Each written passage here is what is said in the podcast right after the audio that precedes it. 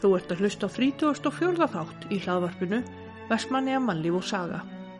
Þættirni byrtast að hverju fymtudegi á eia.net og einni á helstu hlaðvarpsveitum. Hægt er að fylgjast með okkur á Facebook og Instagram. Í dag munum við ræða við Gíslínu Dögg Bjarkadóttur um líf hennar og störf. Gíslína Dögg ræði við okkur um fjölskylduna, myndlistina, hvernig var að flytja til eiga og margt fleira. Gíslína Dögg er fætt 24. júli 1975.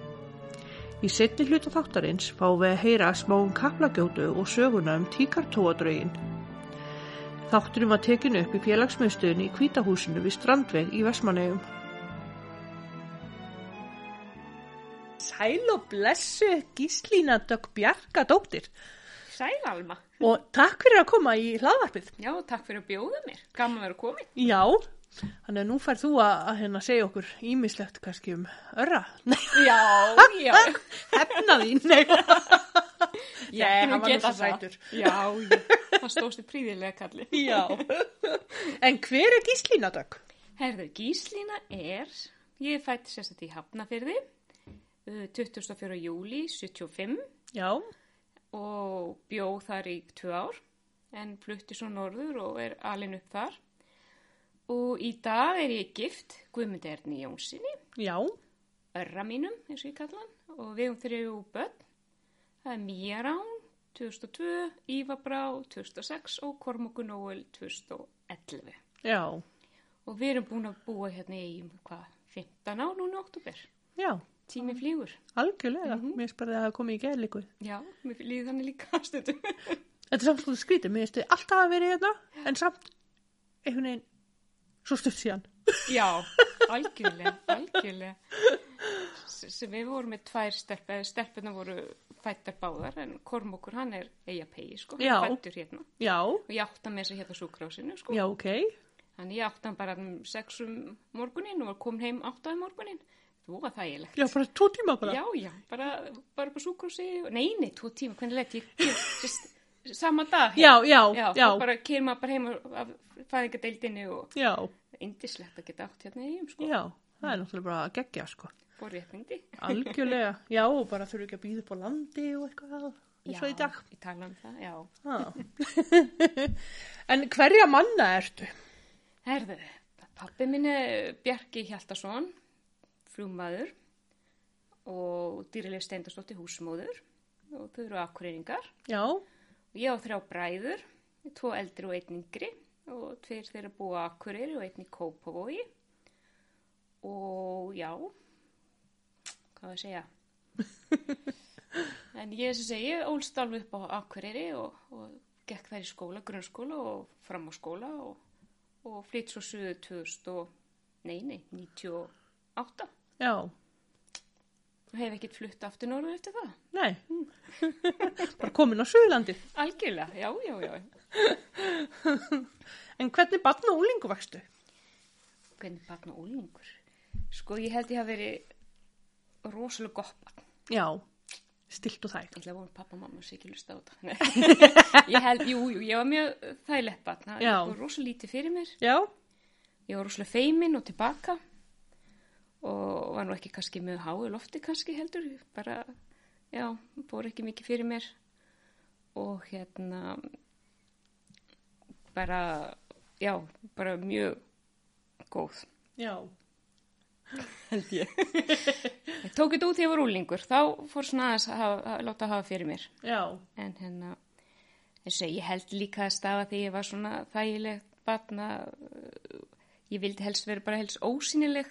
Já. Ég tala ekki um í skóla, ég gekk ekki vel í skóla, ég uh, góða vini og, og allt svoleiðis en ég gekk illa námslega já, og þannig að það var nú ekki fyrir en ég var komin í framháskóla, síðustu önnina minni framháskóla sem að ég fekk reyningu með lesblindu.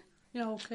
Búin að fara gegnum alla skólagönguna og, alltaf í þessu vesinni með lesturinn. Já, Náðu bara ekki tökum á þessu og hérna bara, og þá á þessum, á þessum tíma þá var alltaf, þurft, þurftum alltaf að lesa upp átt fyrir bekkin já, og þannig að þá var ég að bara á klóstinu, þá þurfti ég að skaffa Já. klóstið og svo beigðum maður bara eftir tíma búinn og lettist maður inn aftur já, og þannig, þannig, þannig var það líka bara í framháskóla. alltaf að lesa upp áttur í bekkin og, og svona svo síðustu önuna mína þá segir eitt kennar mín í sögu þegar ég þurfti að lesa upp áttur í bekkin að hennar spurði hvort ég fari í, í lestragreiningu. Já, Hún heyrði náttúrulega bara, ég var bara stamandi og Já, komst ekki til gegnum lesturinn og, og hún sendi mig sérst í svona lesblindu próf ok. þarna síðustu önuna mína. Og, og þá kemur náttúrulega ljós að ég er svona, svona með miklu lesblindu. Já, og hérna og síðustu önuna mína þá fekk ég sérst lengri próftíma og ég briljaður öllum prófum. Ótrúlega satt. Bara það fekk, ég fekk aðeins lengri tíma já, og bara meira næði og þá bara kom þetta allt og Já. gekk rosalega vel og svo setna þegar ég komin í framhás, nei, henni háskólan þá fer ég í svona alvöru lesblindra próf og fekk svona almennilega greiningu fyrir, til að sjá hvað þetta var. Og henni það er bara, mér er bara gengið mjög vel í námi eftir þetta, ha, þær hafa kannski smá meira fyrir bóklið áfangunum en hérna eh, ég held að kannski að stafi fimmnina og, og ég var svona tilbaka það var þetta, það var sem minnum átt að kent og, Einmitt. Og það var náttúrulega ekki til lesblinda á þessum tíma. Nei, það var bara, þessi greining var ekki komin sko. en hérna, þetta, þetta nýttist mér aftur á móti á öðru sviðum lesblinda. Já, mér gekk alltaf rúslega vel í öllu verklegu smíðum, handavinnu saumum, myndment og, og íþróttum og svoleiðis. Alltaf mjög, stóð mér rúslega vel þar en svo koma svo bóklega þá. Já, það var bara niður á veg sko. Já. En starffræði? nei, ég náði ekki tökum heldur. Ekki á svona sko hennar dæmi sem þetta lesa. Já, einmitt, já. Já, en, hennar, en þegar ég kem í framháskóla og, og síðustu önninu minna, ég brilliðar í starfræði það kemur ekki eitthvað rosalega vel í þessum áfengum sko. Já. Skrítið enginn hafi samt. Jú, ég sko, þegar ég var í grunnskóla þá var ég alltaf kift út úr tímum. Já, í svona sérkennslu, já, ok. í svona sérkennslu í lestri. Já, og þá var svona sérkenna sem kifti maður allt út þegar henni fór að lesa, fór maður svona sérstofu og, en það var samt aldrei einn greining, nei, það var bara að vera aðstofamann en hérna, það var samt svolítið svona leiðilt að láta alltaf Já. sig í burtu og fara í svona tossa Já, hópin eins og já. maður fannst þetta vera þá sko. Og hérna, en það var ekki til eitthvað sem ég lesbinda nei. það var alveg bara kannski leti og tossaskapur eða Já, eitthvað, held ég að kalla þá. Já, en svona, þessi, þetta kannski já, þetta var svona maður flug, vildi við helst fyrir að fluga vekk í Já. grunnskóla. Og hérna í framháskóla þá brust þetta bara út hann maður bara mætti illa. Já, og kannski fjall nokkur sem í sumu fugum að þegar maður var hér á klósitinu meira og minnastundum já, að býði eftir að þetta lestradæmi að búi sko. Einmitt. en svo er þetta bara, ég hræðist þetta ekki í dag. Nei. Ég er bara dástæður að hafa haldið áfram og fara í, í háskóla því að já, margir hefur bara, veist, bakkað og ekki haldið áfram í skóla, sko. já ég náttúrulega fór í lista áskóla og það Já. var náttúrulega svo mikið verklegt Já, en þá var náttúrulega lista heimsbyggi og Já. listasaga og allt þetta líka en, en að því var með, er með þessa greiningu og fæ ég hafa kannski hálftíma lengur í prófum sem að munar öllu sko einmitt. en það gekk bara eh, rosalega vel Já. þegar ég kom í lista á skólan og svo ég búið með hann þá skellt ég mér og tók kennsluréttindin líka Já, í grunnskóla og framháskóla í listgreinum og það bara gekk mjög vel líka og það var Já. allt bóklegt nánast sko einmitt. þannig líka loks þegar maður búin að fá greininguna maður veit þetta, þetta er ekki Já. kannski tossaskapur eða leti að hennar en þetta nýtist vel í, í verklegu held ég, held ég maður svona sjáu hlutunum kannski öðru ljósi en aðrir Einmitt. svona, já En hefur listamæðurinn alltaf búið í þér? Herðu, já, ég held það. Já. Það byrjaði svona fyrst þegar ég var í, í núlbekk, Mm. eða fyrsta bekk eins og heitir dag, að þá benti kennarinn með pappa á að ég var í listræn og vildi að ég myndi senda mig í myndlistaskólan á Akureyri Mm. sem þau gerðu Mm. og ég byrjaði í myndlistaskólan þegar ég var sex ára, Já, ok. endi stutt, að því mér fannst ég ekki með að gera það sem ég vildi gera. Já. Það var að kenna blanda lit og svona og mér fannst ég að kunna þetta allt. Já. Þannig ég bara hætti þá. En svo byrjaði ég aftur sem ólingur, þá fór ég aftur og í myndliskólan af hverju samhliða skólanum alltaf. Mhm. Ég var ekkert í íþróttum, ég var mikið á skýðum að vísu og skautum. En hennar, og svo var ég alltaf í myndliskólanum á Akureyri á kvöldin og svona. Þannig þetta hefur alltaf ég var alltaf vita það að ég myndi fara í eitthvað því að þetta var kannski eina sem ég var góð í, það var eitthvað sem ég gerði höndunum. Ég gátt ekki annað fast með þá Já. að ég hallast alltaf að einhver svona verklegu. Allt sem að var, sem að ég gæti nota hendurnar í, það bara gekk mjög vel. Já, æðislegt. Já. Já, maður verður bara ótrúlega satt að finnum maður eitthvað annað. Já, já, en á þessu tíma var bara ekkert mikið í bóði. Nei, eins og í skólum og svona, þetta var ekkert svona mikið, það var ekkert svona valáfangar eins og núna, einmitt. krakka velja svolítið á hvað brauð þið vilja fara á. Já, og ég man, ég var í nýjunda eða tíndabekk, þá var þessu einn valáfangi, það var tækniteiknun og ég Já. tók það og fannst það alveg æðislegt, já, en annars var ekkert svona mikið val, svona í verklegu nei, þannig að ég var fann að dunda heima, mála og lífverk og svona bara sem úlingur sko já, sem að ég faldi fyrir öllum og, og þetta var bara í svona félum einhver stæðan í skápum og svona. Sumt fór nú í ruslatunnunar og svo komst ég að nokkrum árum setna að pappi týndi allt úr ruslatuninu og geymdi verkin. já, ok. Það var gaman að fá þetta mörg og setna elgum málverk og Já. sem hafa búin hér úr ruslatuninu. Já, þannig, að- þannig þetta bara að lá leiðin þegar ég kláraði tíndabekka að fara í verkmyndaskólum Akureyri og myndu handið að brut. og hérna ég kláraði það. Það var það var, hvað, fjör, var 140 einingar og það var 40 einingar í verklu og 100 einingar í bóklu já. það hefði máttu verið öfut fannst mér þá sko. Já, já, en þetta, maður tók þetta og þetta var bara æðislegt. Já. Nei, og líka fyrst varst komið í greininguna að þá náttúrulega gastu fengið hjálpina á þetta svona viðandi hjálpi við bóklegu. já, og vísu bara síðustu önnun minn þegar ég er úrskrifast, þá fæ ég greininguna Já, já, í framskólanum, já, Já. já, þannig að maður búin að fara gegnum framháskóla bara, já, svolítið svona ég, maður hefði getað staðið sér betur Já, já. fétt kannski suma áfangu tvísvar þeir voru bara þessi, það var bara skotist út stofur sk- þegar eitthvað var, Mm. maður vildi ekki vera að lesa upphátt eða eitthvað Einmitt. En hérna maður hefði viljað fá bara þess að greiningu strax í já, sko. algjörlega. en uh, í verklið þá bara brilliði mér öllu og gekk rosalega vel og ég hefði viljað bara eiga heima í þessu verkliðu kursum sko. Já, hitt var bara svona auka á þá sko. já, já, maður kláraði þetta já, nei, bara dugleg. já, En hvernig var að alast upp á Akureyri? herðu, það var indislegt það var bara ég flytt þarna ég þegar tveggjára og ég fer vísu í gleraskóla og svo fer ég í barnaskóla Akureyrar. Já, og svo fer ég í síðuskóla. Og hérna þannig að maður pröfaði flesta grunnskólana.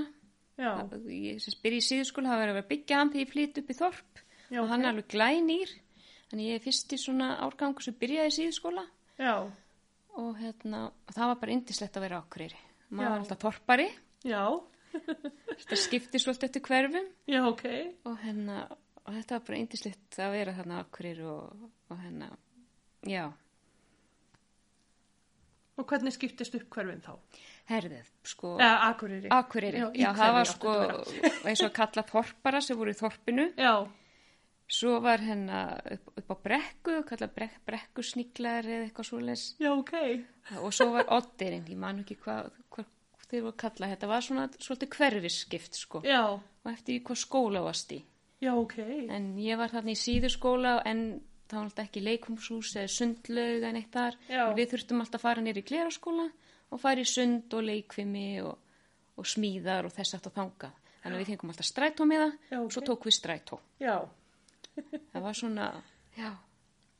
En í dag er búið byggja íþróttahús við síðurskóla og hann er miklu starri og, já, og hann, hann er krakkanu þurfi ekki að fara mikið mitt í skólan í dag held ég sko einmitt. En svo fór ég í barnaskóla af hverju eitt ár því það var að byggja síðuskóla og við lentum hann á milli. Já, Þannig við fórum alltaf með strætó eða rútu frá þorpinu og upp í, í barnaskóla af hverjar. já, Það var bara ævitýri líka. já, Það var held ég í þriðja bekk eitthvað svo les. já, ok. Og kynnti sem alltaf öðru krökkum og, og alltaf með þessari, þessum, þessari rútu eða strætó á milli. Já. En hvar var þorpið? Þorpið er eiginlega, þetta var svona, þegar ég flýti frá þorpið þá var þetta sko alveg glænýtt hverfi, það var að byggja það upp. Já, ok. Það er eiginlega leiðu kemur inn á Akureyri, það er þorpið. Já, ok. Það verður að vera að byggja það, við kipt, pappi kipt, kefti bara fókelt og byggði húsi þar sko. Já. og þetta var svona nýjast þetta, þegar ég flutti það var bara tún og hestar og, og bara maður bara út í sveit Já. og í dag er þetta náttúrulega bara risa stórt og þú er bara inn í miðju akkurinn í dag sko. Einmitt. en við vorum bara nánast út í sveit og maður fór bara rétt labbaði út fyrir og þá áttu bara komin í hestana og kindurnar og Já. maður stundum að stilast á hestbakk og svona á bertbakk og svona og svakastuð og hennar, en maður var svolítið útúr þá Já. og náttúrulega mikið nýbyggingum að vera að leika sér í grunnunum Já, ég man bara húsin í kring það voru sko fók, hennar bara vekkirni komnir svo Já. stóðu náttúrulega játnin upp úr Já. og svo stillast það svona kringum og við vorum sérst alltaf eldingileg upp á hérna hlupum milli játnana Já. vorum upp á húsunum og maður flekti sér stundum í játnunum og reyði föt og svona Einmitt. þetta var, sérst, var leiksæði okkar að leika sér upp á þessu húsum Já. og inn í húsum sem voru svona fókeld búin að setja plast fyrir og skreið inn og var leiksi í steinullinni og, og svona þetta var svona aðal sporti sko Já.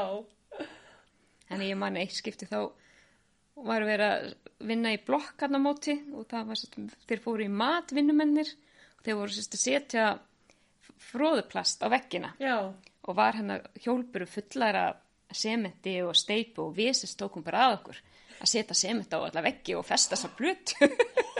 Þetta dundu okkur við með þeir voru mat að festa upp. Já, já, já, aðeins aðstofa vinnumennina sko. Þetta var, já, þetta var óa æfitýri þarna í hverfinu. Áfuglega ekki vins alltaf þeim. Nei, nei, öruglega ekki þegar komið úr mat. en við vendum okkur og svo vel. Já. Vel gert. uh, en hvernig fannst þér að flytja til Vestmanniða? Herðu, sko, þá svolítið sérstakt. Mm. Að hérna, maður hugsaði aldrei sko, til eiga, maður einhvern veginn, ég hafði aldrei komið á þjóðatíð Já.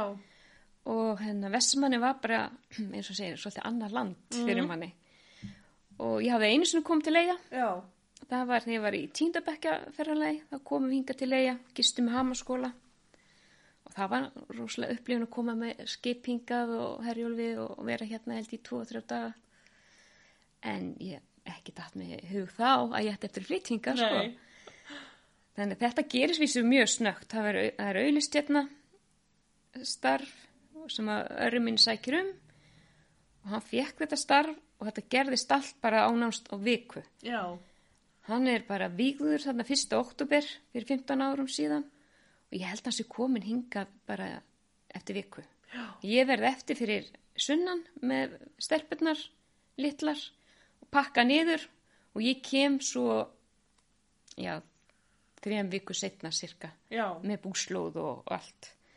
Og henni, henni, þetta var ekkit mikið tíma til að hugsa hvað hva, hva við varum að fara að gera, sko. En henni, en samfélagin alltaf tók rosalega vel um át okkur Já. og bara indislegt að kominga og hérna við erum alltaf þekktum engana, það var ekki ættingjar eða vinir, það var, þekkti engan hennar Já. Þannig maður var svolítið að hoppa í djúpulöðina með Einmitt. það, með tvö lítið börn og, og ég var heimavinnandi Íva var þarna bara hvað, nýju mána Mm.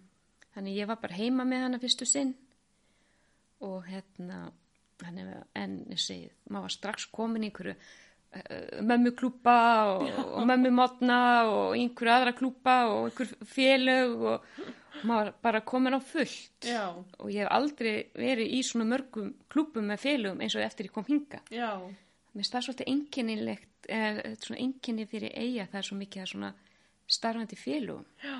eins og kvemmfylöðin hérna, Já. klúpar og það var bara brjálega að gera þeim að komika í, að vera í þessu öllu og þannig kynntis maður fólkinu og, Einmitt. Og þessu, allir tóku vel á mótum maður hitti fólk bara í krónunni eða í búðinni og fólk var að kynna sig og spjalla og, og, og hérna eins og við erum búin að vera í 15 ár Já. ástæða fyrir því. Þannig að samfélagi tók mjög vel á móti. alveg svakalega vel Já. já. og bara indislegt þessu okkur líður rosalega vel hana Já. og börnun okkar eru bara eigabörn Já. Íva er nýju mána og, og Mía er fjögur ára Já. þannig að það þekkja sáls ekkit annað sko Nei, en þetta er bara eigabörn Já. það verður alltaf heim í eigi að búa í eigum, það er bara að vera heima í eigum sko Einmitt. þannig að ég held að við sem ekkert á leiðin burtu á næstun held ég sko Nei. Ég ætla að vona ekki. Það er allan ekki plani, sko. Nei. En hérna, finnst þið vera mikil breyting á lífinu bara sem úr barn, úlingur og í dag? Já, mjög mikill. Mm.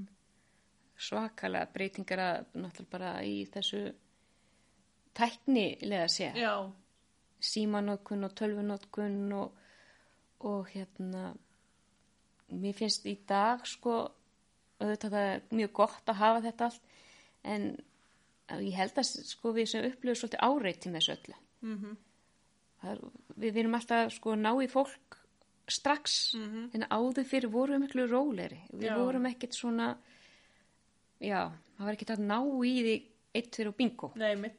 Veist, þú bara beist á í tvo daga eftir að ná í aðan, ef þú nærði ekki í hann bara eftir fimm minútur þá bara er SMS og skiluru Já. en ég held sko þessi breyting er náttúrulega rosaleg Já, í þessu. Já, svona, já stundum væri ég til að ég hefði ekki viljað vera með Facebook og allt þetta sem bann nei, ég er alveg þar líka. ég hefði ekki já. ég held þetta sko sko hafið svona áhrif á á okkur öll Mm að hérna, okkur finnst við þurfa að vera allstað og gera allt og, og hérna, erum kannski með okkur svolítið við annað fólk og þannig -hmm. að hérna já, ég myndi vilja sleppa Símon meira. Aðeins Svo svona. bara gamlan takkasíma sem að getur í og... já, ég held líka að þetta stelur svo, svo svakalega miklu tíma frá mér. Já, þú sest niður og ætlar að kíkja á eitthvað. Og svo áður veist að þú ert búin að vera þrjá tími síman og þú manst ekki eins og niður á hverju ætlar að færa síma. Þú ætlar að kíkja á eitthvað Já. og þú er búin að gleyma Já. og, bara, og ert búin að vera samt í þrjá tíma í símanum og bara tími flýgur sko. einmitt. þetta er svolítið, mér svolítið svona að vera að stela tímanum af okkur Já, staðin áður þá voru við bara að dund okkur að gera eitthvað einmitt. Já, ég held að þetta, þetta er svona mesta breytingin Já, það er þessi hraði, það er rosalega hraði í dag já. En hérna, svo ég far nú aftur hérna Vestmanniðum. Já, Hvernig upplifur þú samfélagið hérna? Já, eins og ég sagði það, það er rosalega svona samkend og, og hérna mist, sko, já, mist, fólk standa rosalega vel saman og fólk er rosalega duglegt hérna líka. Og hérna, bara indislegt að vera hérna. Og hérna, og þetta er svona, já, samkendin er svona, sem að dettur svona fyrstu huga mér með Vestmanniðar. Já, Þetta er, já, finnst þér eitthvað, eitthvað sérstætt einkenna fólk sem er annarkort frá eigum eða, eða býr hérna? Engin. Hvernig lítur hún? Nei. Það er og Já. Já, já, ég held að segja það bara, mér finnst fólk svo, það er allir svo tilbúin að koma og stökku og hjálpa. Mhm. Það er svona, það er svo, það svo mikið samkend og það er, það er svona, þessi einkennir. Og hérna, fólk er rosalega rest líka, svona, allir svo glaðir og, og eiga fólk er þetta ógæslega skemmtilegt fólk. Mm. Það, maður heyrir það alltaf, eiga, fólk er eigin, það er svo skemmtilegt fólk. að þess að ít undir ekoði á leiðinu. Algjörlega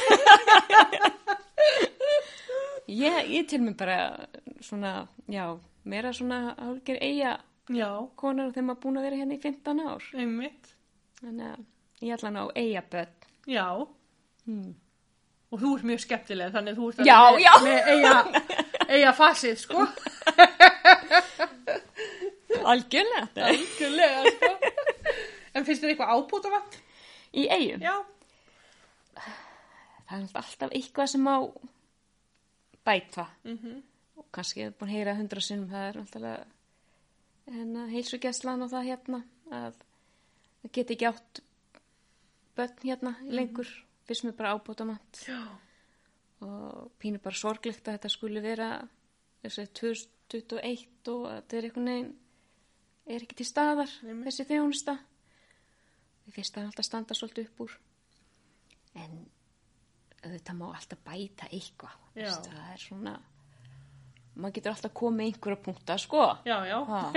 En það er alltaf miklu betra sem stendur upp úr og, Já, já. og hann og svo það er alltaf bara með spæjafélag verið að vinna að svo flottu hérna í eigin bara að vera að bæta svo margt. Gönguleiðir og allt þetta umhverfið vera svona við erum alltaf að fá rúslega mikið ferðamenn til okkar. Mm og það verið að bæta þetta allt. Já. og hérna söfn, söfn, söfnin hérna og, og hérna svo það er bara veitingastæðarnir að minnst þetta allt bara geggja Mm. Ég bara heyri það að fólk sem er að koma hinga til leiða finnst þetta bara þvílíku upplifun og frábært að koma hinga. Og, hana, og eftir að nýji herjólu kom þvílíku munur. Og maður bara skilur hvernig maður nefndi að vera alltaf milli Já. en man, maður þekkti ekki annað þá en núna bara vá. Þegar maður skjóta svona dagsferðir og bara frábært sko. Þannig að, en eins og segja, það er svona stendur upp úr. Það er hérna þessi þjónusta á súkrósunu með fælingar og, og þetta læknis, mætti minka þess að ferður upp á land, læknisferðum. En hérna, já, svo er náttúrulega alltaf eitthvað sem maður má bæta við, veist, maður er alltaf, á hverju þetta ekki og, eitthvað svona. Ah. Er eitthvað sérstakt sem hún svona? Já, Þú getur sko, kannski ítt undir hugmynd. Já, komið já. eitthvað, sko. Ég man því kerði menn upp úr herjólfum og kominga fyrsta skipti, þá kerðu upp heiðavegin og ég man ég sá listaskóli. Já. og ég bara, yes, það er listaskólinu, ég Já. var svo ána og það ég ætla að fara alltaf bara í myndlistina Já. og vera með myndlistaskóla eða ég ætla að vera í myndlistaskóli og eitthvað þess áttar en svo var tónlistaskóli en ekki myndlistaskóli, ég komst að því setna og ég var pínusvegt það væri ekki eitthvað þannig í, í dag myndi ég vilja hafa myndlistaskóli Mm. og ég held að sé alveg grundvöldu fyrir því að, að vera með Mhm. svoleið skóla það er rosalega mikið að skapandi fólk hérna og segja nú bara hérna í kvítahúsinu Mhm. það bara fylgti strax og bara rosalega að fá- og byggðlisti að Já, fá já. stæði eða stofu og hérna og bara fyrir börnin Mhm. mér finnst bara að vera geggja að geta bóð upp á myndlistaná Já. fyrir fólk á öllum aldri Einmitt.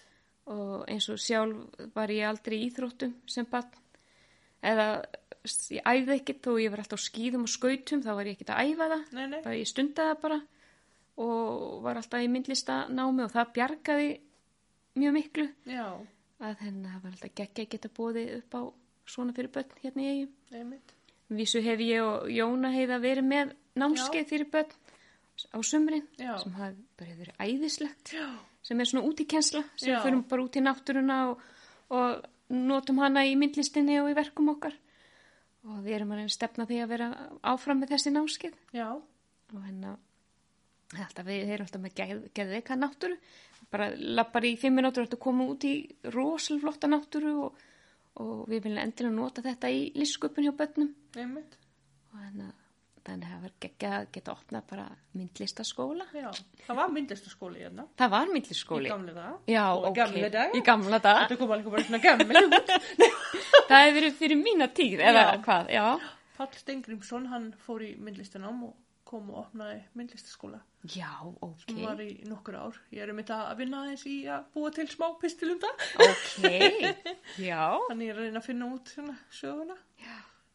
Ó, það- var hann hérna sérst bara hérna með heila sko, bara, Já, bara skóli. bara skóli bara ok, Þannig að, það var gaman að heyra það já, það er í kynningu þannig að já, kannski bara, bara velti, eitthvað kemur ykkur bolti núna og bara fyrir að stað og, já, og bara verið myndlistaskóla næsta ári. það var geggja Ha. Ha. Ég held nefnilega að sé fullt af krökkum sem að hefði alveg, já, og bara fullunum fólki, þú veist, það er bara allir alveg stakur. já, já, já, já menn það er ekki allir í íþróttum Nei, og, mitt. og menn að sömur íþróttum og líka í, í Já, já. listum sko og hann að bara eins og maður sér í, í Reykjavík annars það er að því líkt úrval af alls konar Já. námskeiðum og sjálf sæki ég rosalega mikið á námskeið í Reykjavík Já, ég byrjaði að sækja í Íslensk grafík fyrir hvað fjórum ára síðan mm. Tók bara held ég öll námskeið sem voru bóði já, bara heldi mig í þetta. Og svo var alltaf rosa gaman að geta miðla þessu áfram. Einmitt. það er náttúrulega svona já, það koma svo flotti listamenn eins og við erum með, erum með rosa flotta listamenn henni eigum þeir koma og vera með námskeið að miðla áfram. Það er svona, svona auðsilegt að geta já, kent það sem maður kann. Já, algjörlega sko. En hérna, já, þetta er eitthvað sem við þurfum að setja bara á. Ég er svo mikið dúer sko. Já, það er.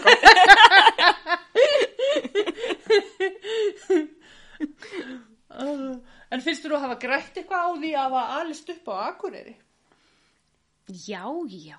Já, með svo sem hefur yngar samanbúr svo sem en, Nei, en svona, ég er náttúrulega greitt heilmikið af því að hérna, maður náttúrulega, allir ættingjar og vinir náttúrulega eru þar. Náttúrulega grætti bara að hafa þessi, þetta tengslaða net og, og svo náttúrulega þegar maður var á, ég hefði kannski ekki yfir mikið skýðum hérna eða skautum eða Já. þess aftar, maður grætti náttúrulega, snjórin náttúrulega var geggjaður. mm, Ég er rosalega mikið snjóbann.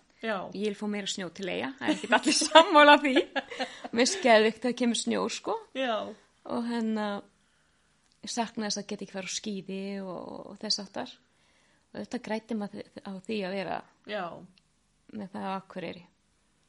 Og hérna, og svona það er svo segi, myndlísaskólinn og, og þetta hafði maður allt þarna fyrir, fyrir norðan, sko. já, Og hérna, hefði maður alls stöpun eigin, ég maður fari í eitthvað allt annað, sko. já, já, En hérna, segi, þetta er það sem ég grætti á þarna. já. Þið kynnist, þú eru kynnast í, á Akureyri? ekki? Já, jú. Við kynnumst í verkmannskólum Akureyri. Já, já, Það er bara síðustu önnuna mína, já, nei, næst síðustu önnuna mína, við kynnumst. Að hérna, ég sérst, við kynnumst, við vorum saman í áfanga, íslensku áfanga já, og hérna, mér er að segja, ég kom staðið setna, þetta var áfangi sem ég þurfti ekki að taka. Já, Þetta ok. var auka, ég úrskrifst mér svolítið mikið um auka einingum. Ég komst að því þegar ég var úrskrifast, ég þurfti ekki að vera í þessum áfanga. En ég hefði sennilega ekki kynstónum nefnilega að ég fór í henni áfanga. Og, hana, og ég man eftir um við lettum saman í verkefni og þurftum að ræða um einhverja mynd á einhverju blaði, hvernig við myndum tólka hana og, og ég hafði náttúrulega aldrei talið við hann áður og hann ekki við mig. Og svo setna í þessum áfanga þá þurftum við að flytja uh, svona eitthvað, einhverju sögu sem þetta semja já, á kaffúks og akkurýri. já, ok. Og ég held að hann hefði fallið fyrir mér þar, sko. Þegar ég, ég var með svo mikið hreim. Ég bjóð sér í bandaríkjum tvö ár Já, ok. og ég talaði með svo mikil hreim, sko, þegar ég kom heim. Já, Og svo komist það setna þegar hérna, ég tók uh, lokkin úr tungun, þá hvar hreimurinn? Já. Ég sé skat ekki tala með þennan lokk. Ég var ekkert með í hreim. þetta var bara lokkur. Þetta var lokkur í tungun sem þvældi sveri en ég gati ekki tala almennilega. En ég held að hann er fallið fyrir hreim, hreim, hreiminum Já. hjá mér, sko. Já, Já, já, við kynntust þess í þessum áfanga og, og hérna sest, hittust föstaðan 13. í December á djamminu Já. og höfum sest, verið saman síðan. já. Og hvað varst að gera í bandaríkjum? Herru, ég fór sem auper, Já, ok. fór út, sem sagt, 94 Já, ákveð að taka um smá kvíld og framháskóla því ég hafði nú kannski ekkit mikinn áhuga á þessu að vera að falla þessum áfengum aftur og aftur og svona. Ákveð að pröfa nýtt og það er sem sagt var teng, eðast, ég tengist aðeins til bandaríkjana mm. að það var hann að hjón frá, þau eru frá Ísrael. Já, ok. vantaði stelpu til að passa tvo sinniði Já, og ég sérst bara ákveð að drifum út til að læra einhverju ennsku því ég kunni alltaf ekki neitt í ennsku já, mottoð mitt í grunnskóla var að læra aldrei ennsku því ég mun aldrei þurfa að nota hana. Það heldur betur hausinn setna þannig ég ákvæðsist að fara hana út og vera í eitt ár já, hjá þessari fjölskyldu. Og það var rosa upplifun þegar koma eru frá Ísrael og tala hebrisku mhm, og hérna ég er þarna hjá þeim og mamma sagði nú við mig þú endist ekki til eitt ár. Þú Já. verður komin heim eftir nokkra vikur. Já, En svo var það þannig að ég hafa búin að vera þarna í nýju mánu, þá þurfti ég sjálfs ekkert að vera lengur hjá þeim. Já. Því mamma var heimavinnandi og börnin í skóla og ég var bara svona orðin bara að þrýfa og, og svona hann og ég ætlaði nú ekki að fara heim eftir nýju mánu. þannig ég sérst, reði mig þarna, ég ringi heim og segi mamma, ég, hérna, ég er ekki að koma heim, ég ætla sérst að vera í allavega ári viðbútt. Þá hitt ég aðra fjölskyldu þarna, ég var með strákinn Taekwondo já, og þar var maður og fór okkur að spyrja mig hvað ég væri og ég sagði ég frá Íslandi þá var hann búin að vera með aðra stelpu frá Íslandi sem auper og hún var farin Mm. og vantaði aðra. Já, ég ákvað bara hérna á staðnum bara fara til þeirra eitt ár. Já. Þannig að ég myndi nú ná þessu ári. Já, klára þetta. klára eitt ár og ég endaði svo vera í tæp tvö ár. Já, ok. ætla sko að sína með mig það að ég geti nú verið eitt ár í Já. bandaríkjónum og ég var sérst ekki gegnum neinn samtök. Nei, bara yfir um. já, Já, þannig að það var bara ævitýri að búa Já. þarna og, var í New Jersey. Þannig Já, að ég ok. var bara í hálftíma með rútunni yfir um Manhattan. Já, þannig að það var bara frábært og maður lærið mikið á þessum tíma. Einmitt. hitti mikið, en það var rosa mikið á íslensku stelpumann úti. Já, Þannig að við heldum svolítið hópin og þannig að ég lærði nú kannski ekki droslega miklu ennsku því við vorum saman allan daginn íslensku stelpuna. já, Þannig að maður lærði nú eitthvað svona að bjarga sér og svona og, og svo lærði ég hebru sko aðeins já, af börnunum. Og mannstu hebriskuna? nei, nei, bara, veist, það var eitthvað bara svona, veist, að heils, veist, Shalom og Ken og Já. Ím og Abba og eitthvað svona sem þeir Já. notuðu svona ein, þælur. Já, En ég myndi ekki skilja hana, sko. Fólk fær að tala hana, sko. Nefn kannski eitt og eitt orð. já, En hérna, maður læri best af börnunum. Þú, eru að gera mistök og, og láta þau kenna sér, sko. einmitt. Algjörlega. Þannig ég kynnist örra eftir að ég kem, sérst frá bandaríkjón. Já, Þannig með, með, Með hreiminn. með hreiminn minn. æðislegt. en hérna, hvað er uppáhald staðurinn í Vestmanneigum? Ó, guð. Eða ég- bara já, á eigunum bara alveg Hérna. yfir höfuð. Það er nú, sko, ég fór fyrir rúma ári síðan að fór ég að taka upp að því að fara út og hlaupa. Já, þá einhvern veginn sko er eitthvað svona önnu sín á eiginni mm. ég svona uppgöta aðra staði og, og var eiginlega bara hálsvektu sjálfum með að ekki byrja á þessu fyrr Já. búin að vera henni 14 ár og hafa ekki farið á þessa staði og séð náttúruna ég bara já, þetta er bara sko uppbólstaði mín er eiginlega bara hamarinn alveg Já. meðfram upp á stóraða mhm, Ég hleyp alltaf leiðin upp á stóra, kringu stóra og hamarinn og Ok. okay. gólvelli. já, Og mér finnst þetta bara, þetta er bara dýrlega staður. já, Þannig að þetta bara fór ég annarkvæð dag alltaf, tók þannig ring alltaf síst ár, hljóp þetta. mm, Og þetta er bara minn staður, þessi, þessi leið hennar. Kann alltaf gíslinu leiðina. Já. Þetta er svona föstur útina. En ég veit nú viðkynum, ég var ekki sama, ég fór hérna fyrst, fór. Mhm. með frá hammerinum og eins og gjötnar eitthvað tætnar í hluti, sko. Og ég let öru að vita bara, hann getur fylgst með mér, það því með úrið, sko. Þannig að ef ég skila mig ekki heim, já, þá er ég einhverstað þessu. Já. Ef ég rek sko tán í og fer einhverstað fram af, Einmitt. þá er, veit hann af því, þá er þetta leiði mín. já. Nei, þetta er alveg þverrnýft niður, sko. Já, ekki, en fyrst var ég hálst meik, ég Já. kann ekki að mjög kvast og svona og Já. hálft og blöytt, en þetta er bara, þetta er indislega leið og þetta Já. er svona bara leiði sem að þess að svona kúpla svo út, Einmitt. maður svona einn heiminum, Mhm. engin umferð og bara sjórin og bara þetta er indis Lundin við hliðina. og lundin og svo er hestarnar og kindurnar Já, líka og að maður fær bara sandur og veist, þetta er bara indis, ég held að þetta seli bara uppáhalds staðurinn á eiginu, það er þessi þessi hluti á eiginu já, sko. en svo náttúrulega geggja að fara upp á stórhöða og horfa yfir og dalfjall. Já, þannig að þetta er svona ég vil halda mig svolítið bara á jafnslegt, eða þannig. Já, en gaman að fara samt öðru kóru upp. Já, ég var búin að vera hérna í já, í sjö ár. Já, sjö ár, þegar ég fór upp fyrst skiptu heimaklett. Já, búin að fara þó nokkur síðan eftir það sko. Já, vel gert. já, Ég er búin að fara upp öll fjöll nema heima klætt, þannig að já, ok. svo allt í nú var því svo loftrætt, þannig að ég bara fer með þyrlu. ég fór eftir sjötindagönguna í fyrra. Já, það var geggja, ég Já. ekki farið upp á þessa tinda sko. Já, og það var æðislegt. Já.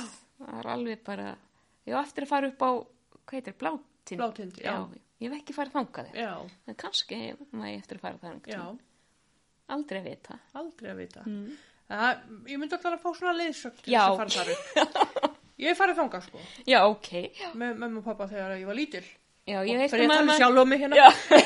Já. maður heyrt að, heyrt að maður ekki fara einn, maður þurfi að hafa Já, einhvern maður þarf að hafa með eitthvað sér. með sér. Er það að? Það er Já, svolítið leiðileg skriða þetta. já, ok. Pappi minn hugsa á þegar við vorum að leiðin tilbaka, bara hvað er ég að gera? Taka krakkar mér. Já, meinir því. En ég var í bandi hann, já. Í bandi, já. Í bandi. Þannig að það var hægt að kippa í mig ef að ég ætlaði eitthvað að fara þetta niður. Já, Æ, æ, æ. En hérna, hvað ert að gera núna? Núna, herðu, ég er í bara að sinna Ég ætla listinni. nú fyrst að spyrja þig. Já, já. Hvað ertu búin að vera að gera? Hvað ég búin að vera að gera? Þú byrjar rétt að menda. Já, bara þá sem sagt núna bara eftir flutti til eiga eða bara, já.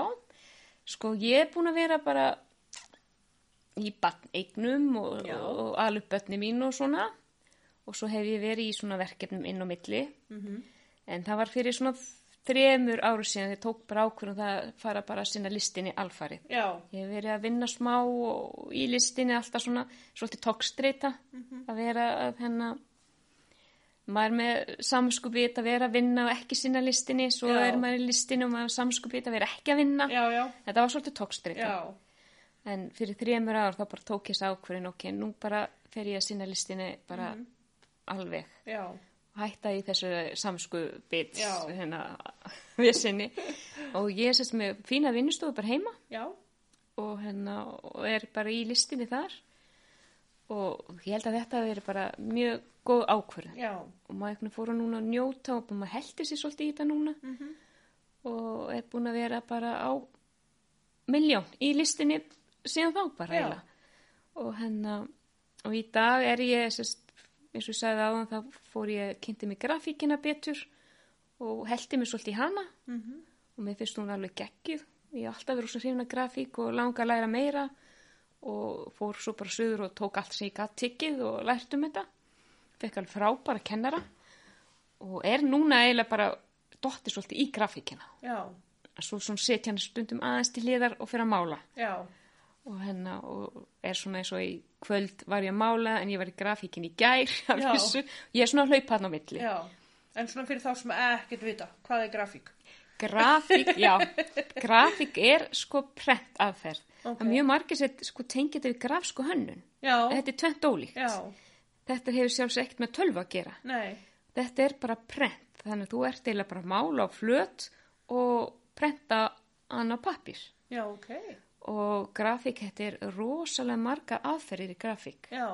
og tegundur af grafík. Og það sem ég hef verið að vinna með, það heitir fotopólimer. Það eru vissar álplötur Ok. sem að hennar myndin er brend ofan í sem að ég ber svo grafík lit á og nutta og prenta þannig í pressu Já. Með svona pressu, svona rúlupressu Já, bara svona gamaldags. já, Já. Og hérna fjárfestu með svoleiðis þannig ég get unnið þessu heima Já. en annars var ég bara með aðra löppinu upp á landi Já. í henni íslensk grafík með vekstaði í Hafnarhúsinu Já, ok. í Reykjavík og þar er rosalega flott vekstaði Já. og þar er ég með aðgang á öllu tækjum og tólum og þar fór ég bara í svona tarnavinu og bara í tvær vikur og vann frá var mætt nýju mótnar og var svona til 10-11 á kvöldin í kannski tvær Já. og hennar tók alveg í hitti fyrir svona bara heilt ár bara í tarnavinu og var svo með síningu 2019 og það var eiginlega bara afrak, afraksturinn af þessu einu hálfu ári á þeirri síningu.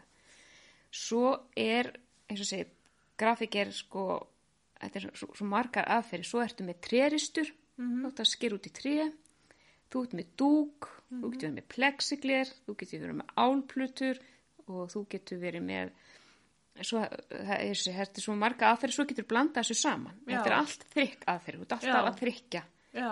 í höndunum með þessum plötum og hennar þannig þetta er svona svolítið ólíkt málverkinu Já. sem er með máling og pensil Einmitt. og stregan Já. þá er þetta svona meira það er meiri undirbúningur þessu. Þú þarfst að vera með góða pappir og pappinu þarf að vera bleiti og þú þarfst að blanda litinu og þú þarfst að vera með pressuna. Þú þarfst að vera með þurr, þurrkstaðin sem þetta pressa myndina til að láta það totna þetta er svona meira svona stúsi kringum þetta. Og meira tækni. Já. og mest af þessu dóti þarf ég að panta utan maður fær ekki þetta dót á Íslandi sko. Já, litina og, og pappirinn og þetta er allt sem ég panta utan. Og plöturna líka Já, ok. Þannig að þetta er svona, maður leipur ekki í búð og sækir sér eitthvað, Nei. ef maður vantar eitthvað. Ég er svolítið hissa á því að því að nú eru flottar svona föndubúðir og hann, hvað heitir þetta? Lítur og... Lítur og föndur, já, já, lítur og föndur og allt þetta dót.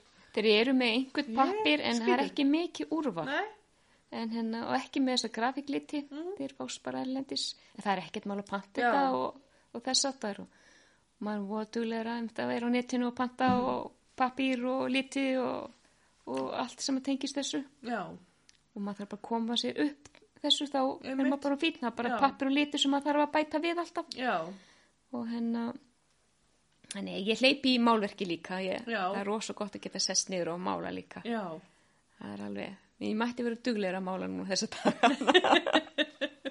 En myndið sem, sem, þú ert að, hérna, ert að selja núna, Já, í tu, hvað var það, 20? 20 eintök, Já. já. Að hérna, er það svona þrykk aðferð? Já, það Já, er ok. þessi fotopólimer plötur.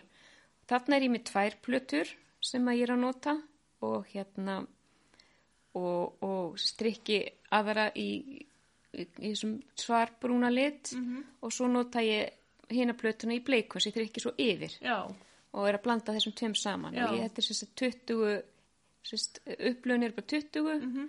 af þessar mynd í þessum lit. já, En svo ég gerði þessa mynd líka í, með hvítum pappír og í svörtu og gildu. já, Þá ger ég 25 eintök og þau, þær myndi fóru til Englands já, ok. í svona samvinnuverkefni sem ég var að taka þátt í. Og hérna, en svo get ég tekið þessa mynd og breytin aðeins, breytt um liti, en eins og með þessa bleiku þá má ég bara gera, ég má ekki gera fleiri en þessa. Nei. Að því ég er búin að merkja þær, Já. þá eru bara til 20 eintök. Já, En eins og með grafíkina að þú gerir plötun og svo máttu vinna hana eins og vilt. já, já, En það er svolítið kunst að, eins og segið, þú gerir 20 myndir og ég gerir samt 30 svona myndir. Já, því það þurfa eiginlega nákvæmlega eins. já, Og ef einu er eitthvað aðeins öðru þá er hún ekki með. þá er hún bara ónýtt. þannig. Þannig að þetta er svona, veist, maður það eiginlega ákveð strax upp byrjun, hvað ætla ég að gera marga myndir? já, Af því þú gerir ekki bara svona margar merkjar og séluðar og að ég ætla að bæta við. einmitt, Þannig að maður þarf að vera svona pínu meira skiplaður heldur um málverkið. Já, Og maður fekk það líka pínu hausi þegar ég byrjaði í grafíkinu og ákvaða síningu og verið með grafíkverk. Að maður málaði alltaf bara striga og hengdi upp og var með síningu. Þá þurfti maður að innramma þetta allt og velja Já. kartonu, velja ramma. Og það er líka rosalega mikið vinna. já, Og það er eitthvað sem ég átta mikið er góðum ramma og, Einmitt. og þess áttar.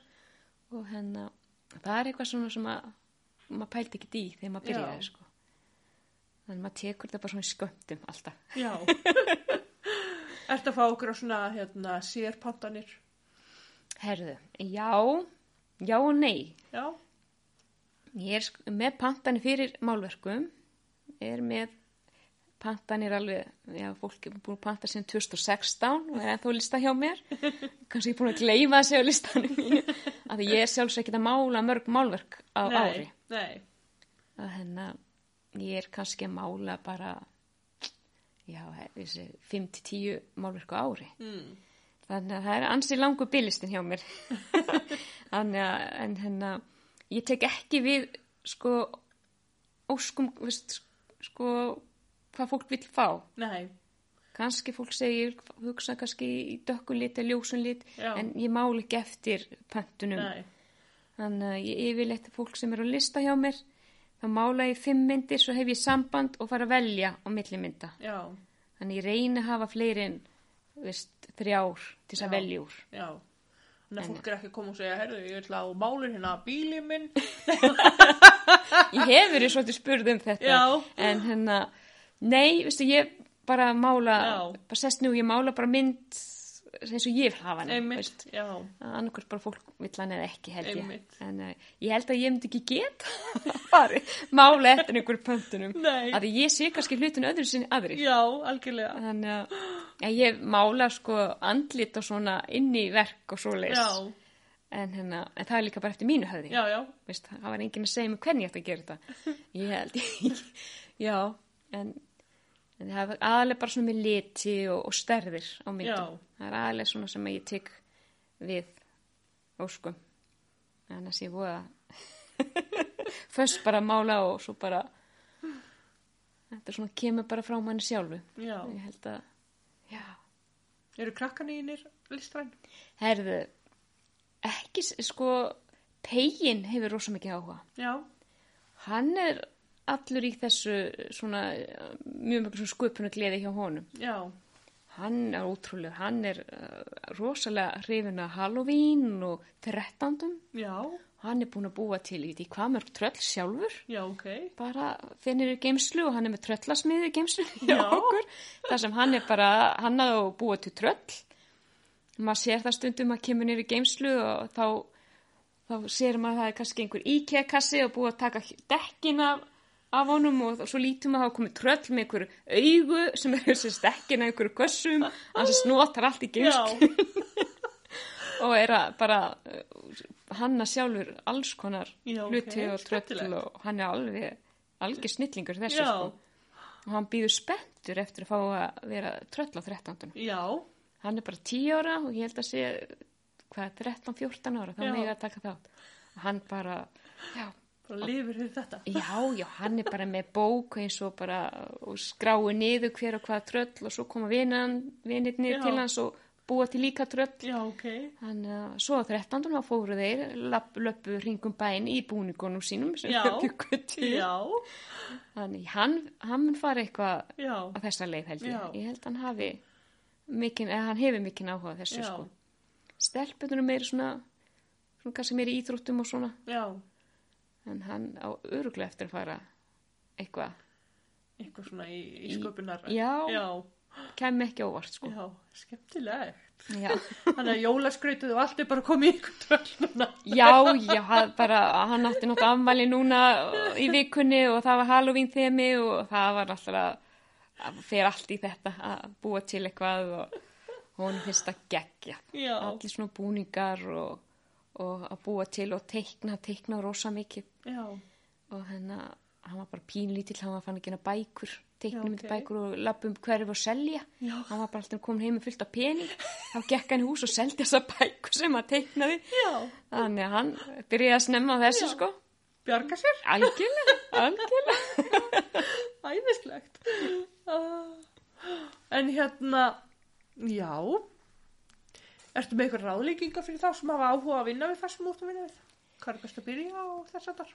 Já, sko ég held að sé fullt af fólki sem er að, í lífsköpun heima hjá sér Mm -hmm. og sömu feimnir að sína hvað er að gera og gera þetta svolítið félum. Já. Og ég munum ráðleikinguna sem ég gefi þessu fólki um að gera fara bara á nánskeið Mm og að við getum lært svo mikið á hvort öðru. Já.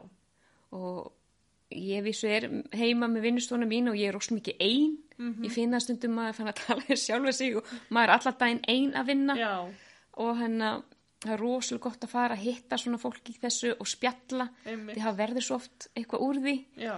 og bara leita ráða hjá öðrum og gefa öð, öðrum ráð Mhm. það er nöysilegt þess að finnst mér svo frábært eins og með hvítahúsi hérna fólk er saman Já. og getur unni saman og gert eitthvað saman og hérna og bara verið duglegt að aðstofa hvort annað því að fólk býr við svo miklu þekkingu Einmitt. og bara að miðla henni áfram Já. og ekki verið feimið að byrja við erum öll, ein, byrjum alltaf öll einhver staðar og það er Einmitt. engin góður í öllu Nei, nei. skilur við að hennar um að gera bara að láta vaða og pröfa og sækja námskeið og, og bara YouTube ég held ég sko að læra helmikið þess sem ég kann líka bara á YouTube Já. Ég lærði andlismálingu fyrir krakka á YouTube, Já, ok. skrautskrift á YouTube, maður fyrir bara á YouTube og, og lærir. Já. Bara li- lita samsetningar og, og bara eiginlega allt, þá bara fyrir maður að googlar og, og horfa á myndbönd, það sem maður, maður finnur ekki hérna á Íslandi kannski. Mhm. Það var ekki verið að kenna það akkurat núna, þá fyrir maður bara og leitar og annars bara leita mig upp í námskeið eða einhvern sem þekkir þetta og bara bjalla og fá kennslu Já. og bara go for it, bara láta vaða. Einmitt. Þetta er örugglega draumi margra að vinna við þetta en það ekki, Já. bara láta vaða. Já. Þetta er svona ákvörðin sem ég tók henni fyrir þreymur á því ákveð að hella mig alfæri í þetta. Sé svo ekki eftir því. Nei, þetta er bara indislegt að geta starfa við eitthvað sem hefur gaman að og, og kant kannski vonandi eitthvað í að hennar bara og geta líka miðla til aðra, kent öðrum líka. Já, einmitt. Þannig að Já, væri- og, njóta þess. og njóta líka og aðverinn fái líka að njóta þess líka með manni. Einmitt, Það er alltaf bara geggja sko. algjörlega. Þetta er vonandi maður getur bara, það er alltaf draumur eins og við segjum stundum í, hérna, í þessum lista að hérna, maður kannski lifir ekki á þessu en ég lifi fyrir þetta. Já, veist. Að hérna, allan ekki ennþá en það kannski kemur einhver daginn að maður Já, getur já. bara haft það gott og líka bara þegar maður að byrja að koma svo upp safni, mm staðan fyrir að vera með pantanir og eiga ekki neitt. þá var svo gott að geta komið upp einhverju svona að maður getur þá bara hendi í síningu ég hef alltaf verið bara sett ákveði að hafa síningu og svo hef ég ekki átt neitt og það er svo mikið stress já, og þá hefur þú kannski ekki eins mikið önun af því að gera hlutinu að þau eru undir álægi einmitt. Það er æðislegt að vera að vinna ekki undir álægi og er bara gera þetta í róleitum. Já. svo áttu verkin, svo, svo bara ákveði að hafa síningu þegar þú Já. átt verkin. Einmitt. en maður lærir alltaf, maður gerir þetta allt samt alltaf. Bara jú, ég ætla að hafa síningu á best að byrja að mála eitthvað. Bara ég ætla ekki að ætla aldrei að gera þetta aftur. Já. svo gerum við þetta alltaf aftur.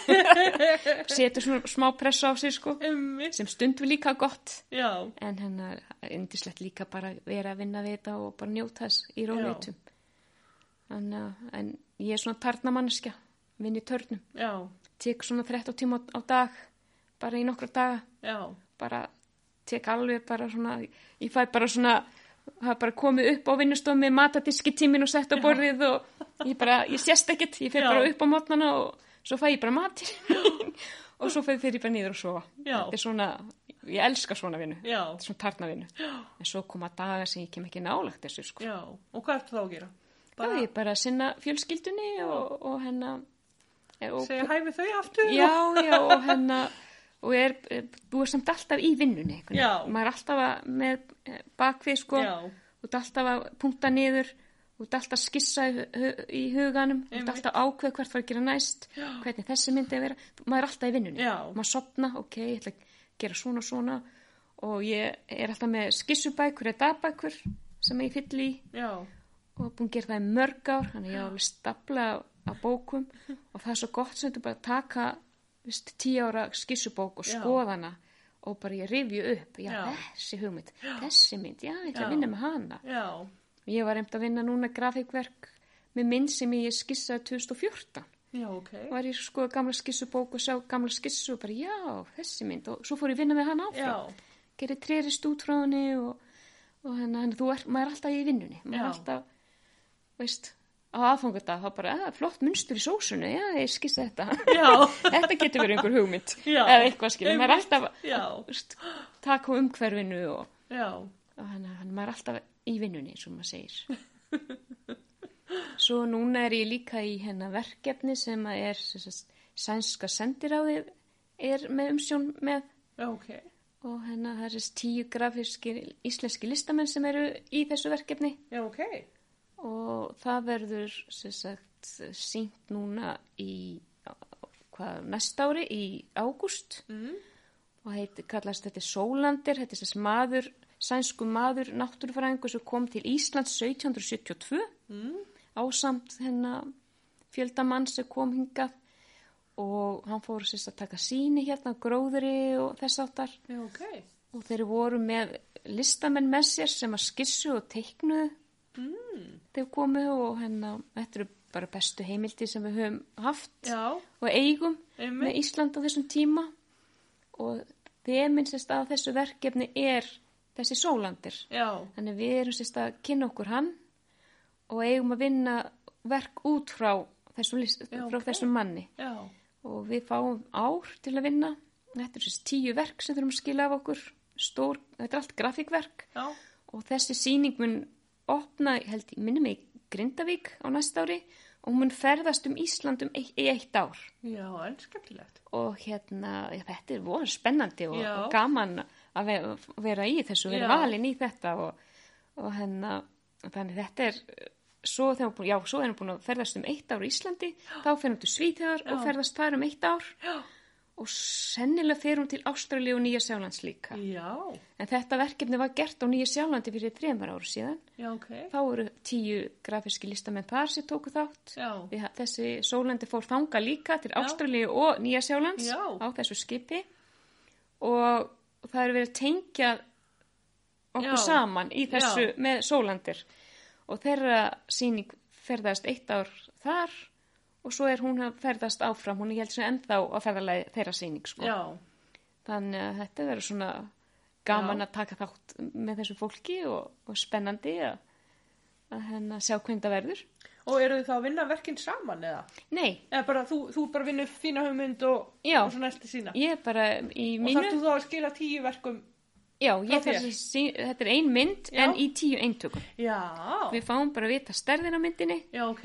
það er alltaf jafn stórar Já. og hérna svo erum við bara öll að kynna okkur þannan Sólander og, og hans ferð til Íslands og svona og svo vinnum við öll, þannig að þú þarft sjálfs að koma svolítið þínu inn í verki en með hann Já, sem aðal já, svona þema. einmitt. Það er að svona sakfræði í þessu líka. Já, já, þetta og það var svo gama við þetta því að ég hef náttúrulega svo mikið áhuga hérna, búningu kvenna, þjóðbúningu kvenna, íslenska og hef búin að kynna með hann mikið og, og hef alltaf verið með bók fyrir frama mig sem að kom fyrir hvað, 2014 út Já, og búin að stýðast við hann að lesa bara um þjóðbúningu kvenna, hvernig hann var á Íslandi á þessum tíma einmitt. og hvernig hann byrjaði og hvernig hann þróaðist og allt það og, og svo þegar ég fyrir að skoða þannig sólandir þá eru þessar myndir í þessari bók sem ég er búin að stýðjast við Já. það eru teikningarnir frá hans ferð. Nei, teiknararnir teiknuð þessar myndir sem að við erum að nota sem heimildir geggja. af þjóðbúningu kvenna á þessum tíma. Og ég er náttúrulega að fatta það bara ég fór sko myndinu svo við bara- þessar myndir. Þegar, þegar, Já, svo var sko rít, svo sem maður, Tróil heitir hann, með í ferðinni. og hann skrifaði allt niður, svona dagbók. Já, og gaf út bók sem heitir Bref frá Íslandi. Já, og hérna hún var gefin út á fjölda mörgum tungumálum og rosalega vinsæl, hann 1700 og eitthvað sem Já, hann gaf hann út. Og hún var svo endurgerð 61 á íslensku. Já, og ég fann þessa bók á fordlega búð og Já, keipt ok. þessa bók. Og þar eru þessar skissur frá þeim á þessum tíma. Já, sem við erum að styðast við sem að maður er búin að vera með fyrir fram að sig Já. í mörg ár á hans að fatta það. Já, og það var magna að sjá veist, þetta er faldbúningurinn og Já.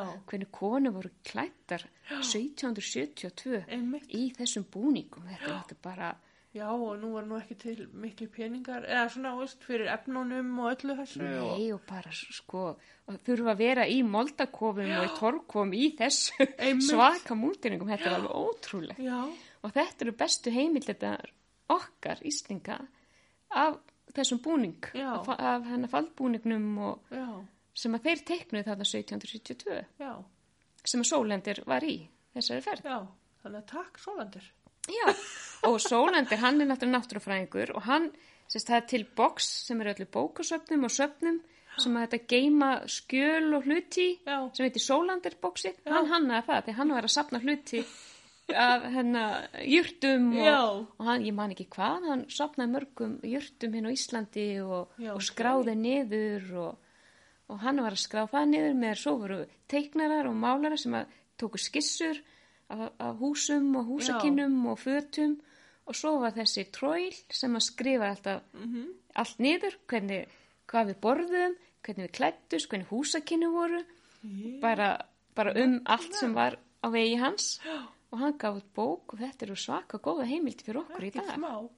og ég las sem þetta í þessari bók að svona íslensk vinnukona hefði verið 24 ár að vinna fyrir svona íslenskum búningi, kvennbúningi Já, en íslensku vinnumadur hann hefði verið 12 ár að vinna Já. fyrir íslensku búningi Já. og sér hvað þetta er rosalega verðmætt á þessum tíma eru dýrir einmitt. og þeir keiftu svo búning Sólandir, íslenska búning og fóru með út og þeir vitu svo ekki hvar hann er Nei, nei, En svo var annar maður sem að keftir búning sem að kom hinga til Íslands og hann fannst og er til sínis úti í held ég er ekki bara í Lundunum eða eitthvað á safni já, ok.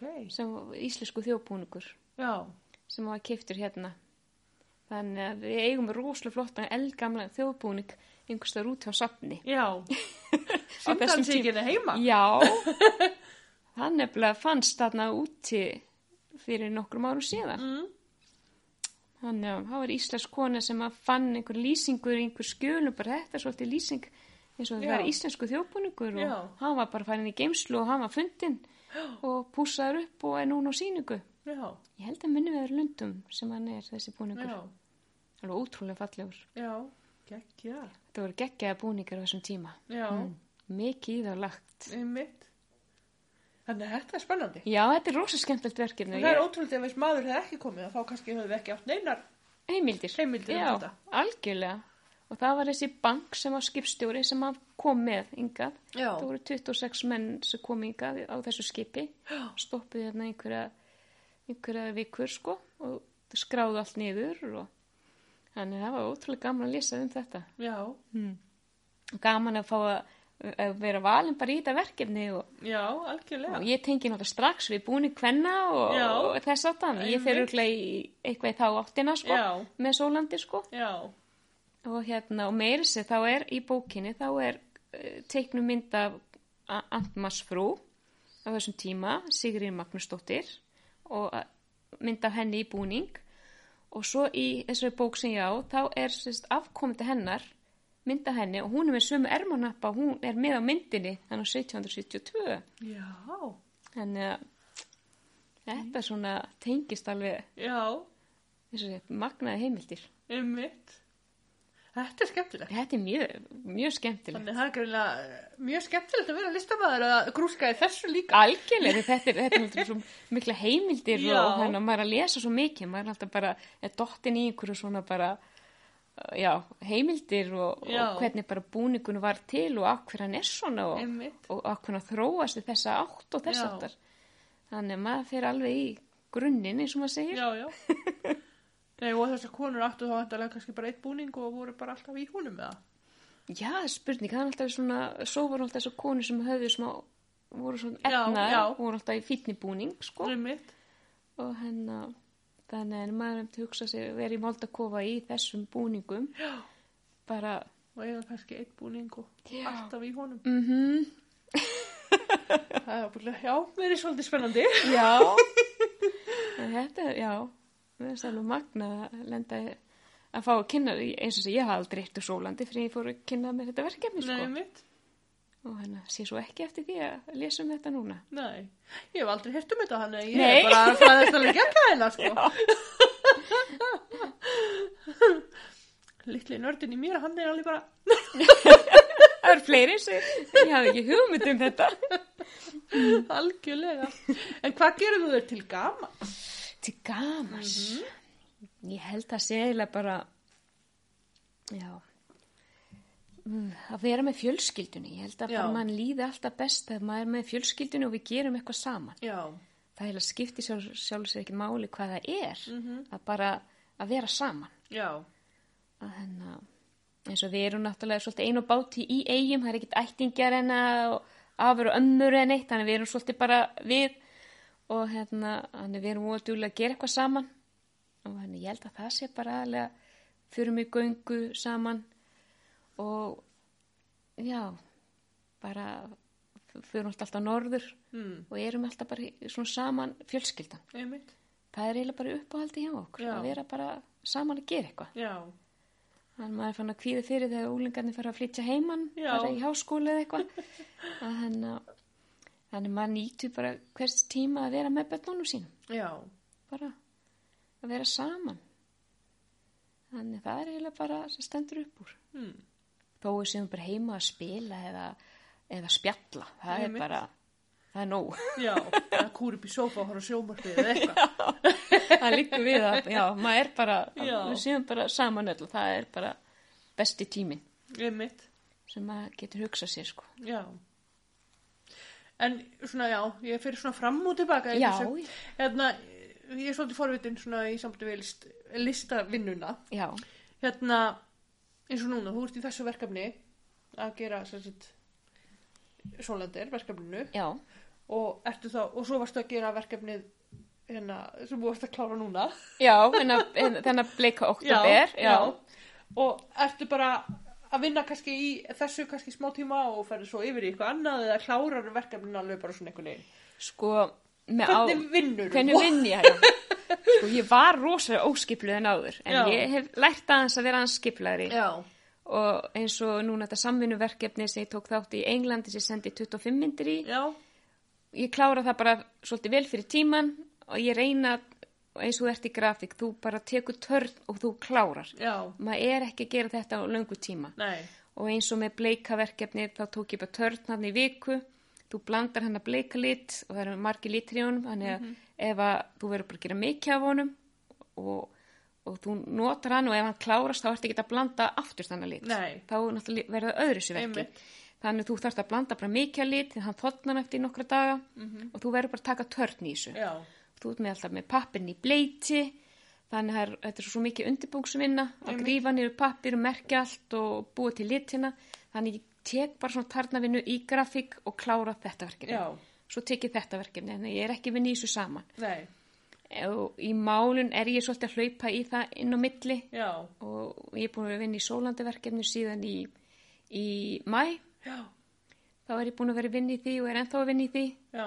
Og ert þá bara í undirbúningsvinnunni þar? Já, Já. það er ég bara, eins og ég segi oft, þetta er bara eins og vera að vinna að reykjar. Ég er Já. að safna heimildu. Einmitt. Ég er bara að skissa, ég er að lesa, ég er að taka hennar, uh, bara svona eins og heimildir, bara Já. fara á netið og skoða hvað hva jurtir hann fann og þá googla ég það og finna þessa jurtir, get ég nota þessa jurtir, mm Mhm. munstrin í þeim. Já. Þannig ég er bara að safna í svona eins og heimildavinnu, Já. svo fyrir ég vinna út, út úr þessu og ég er komið með nokkur konu mynd núna, ég er búin að vera alveg bara þekja alla vekki á vinnustofni af myndum og, og, og öllu sem að tengist þessu já, og svo fyrir ég vinna úr þessu þegar hennar nærdregur já, og hann er, hann er alltaf fyrir að svo kvöldin er í hugsum sólandir Já. minn, og ég þegar vakna þá fyrir hugsum sólandir. Já. hann er alltaf, og ég er alltaf að vinna í því með. Já, en svo tek ég alltaf svona skorpur í já, grafíkinni og málun inn á milli. Einmitt.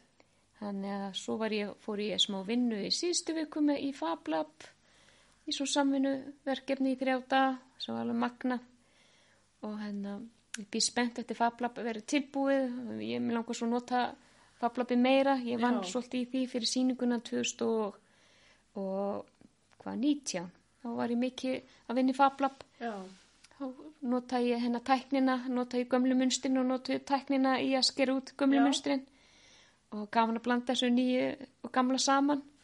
Og hennar, menn ég get alveg séð fyrir mig að vinna með það áfram, Já. það er minnst alveg magna og Froster gerir rosa flott, flotta hluti þar. Já, og er spennt að þetta verður komið í gagn, þetta verður komið að stað aftur. Já, og henni það er, það er ótrúlega marg sem að maður getur blanda saman í þessu. Já, svo maður alltaf detti í einhver svona verkefni og, og, og setja sig smá svona pressu og koma sig í eitthvað sko. Í síningar eða samsýningar og svo hefur verið hún Hildur Björnsdóttir, vinkonu minn hún býr í Svíþjóð. Og nei, hún býr í Noregi fyrir ekki og er listamað þar hún hefur verið koma til Íslands og við tökum tærni saman. Já, ok, Þannig við tökum kannski bara tvær vikur sem við hittust bara og erum allan daginn bara að vinna saman. Og það er rosalega gott að hafa einhvern svona við hlið sér. Einmitt. staðan við að vera einn á stóru vekstæði einn allan daginn. Já. það er gott að hafa einhvern svona félaga. Einmitt, þannig við erum alltaf svona í sambandi og, og erum sennilega að fara að vinna eitthvað saman líka í samstagsverkefni meira. Og henni þetta? er grafíkin nefnilega, hún er svo sérstök með því að hún tengir svo svakalega mikið fólki saman. Já, það er svona miklu meiri tengingar í því finnst mér heldur, heldur en í málu já, það er einhvern veginn, þú ert að fara á milli vekstað til að fá að nota pressuna og aðstöðuna og fer um allan heim eins og fólk erlendis kemur til Íslands á vekstaði í Reykjavík og vinnur. Ok. og þá ert að hitta fólk að utan. Já, listamenn og ert að vinna með þeim á vekstaðinu það er svo gaman að Já. kynnast listafólki allstar á heiminum sem er að koma á vekstaði Þannig ég geti farið út og unni vekstaði í Ítalíu eða Já. á Spáni og hitt aðra Já. fólki grafík og unni með þeim. Já, og þannig að það er nefnilega þetta tengir svolítið saman, það er svo gaman. Og einmitt svona samvinuverkefni, allir að senda mynd og sína saman Já. erlendis og en þetta er svona já, ég hef rosa gaman að þessu að fá að hitta fólk aðeins, ekki Já. alltaf vera heima, heima að mála algjörlega. Þetta er skemmtilegt. Já, það er það nefnilega. Eru margir í grafík á Íslandi? Herði, ætli við séum ekki eitthvað rúmlega hundrað í, Já, ok. í, í félaginu. Já. Svo ég líka í grafíkfélaginu og Akureyri, í listafélaginu þar. Og hérna, það eru þar líka einhverju sem er að vinna í grafík. En það er ekki komið vekstaði þar. Já.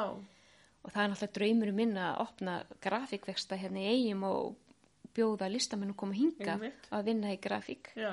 Það er náttúrulega bara draumur. Já. að geta búið upp á það bara koma í viku og vera í náttúrun og fara og svo vekstað og unnið í grafík og, og þannig að myndlisskóli og grafíkvekstaði, Já. það það er á planinu, Þetta er á planinu. tíu ára á planinu, Já. Hvað þarf þetta stórt hús?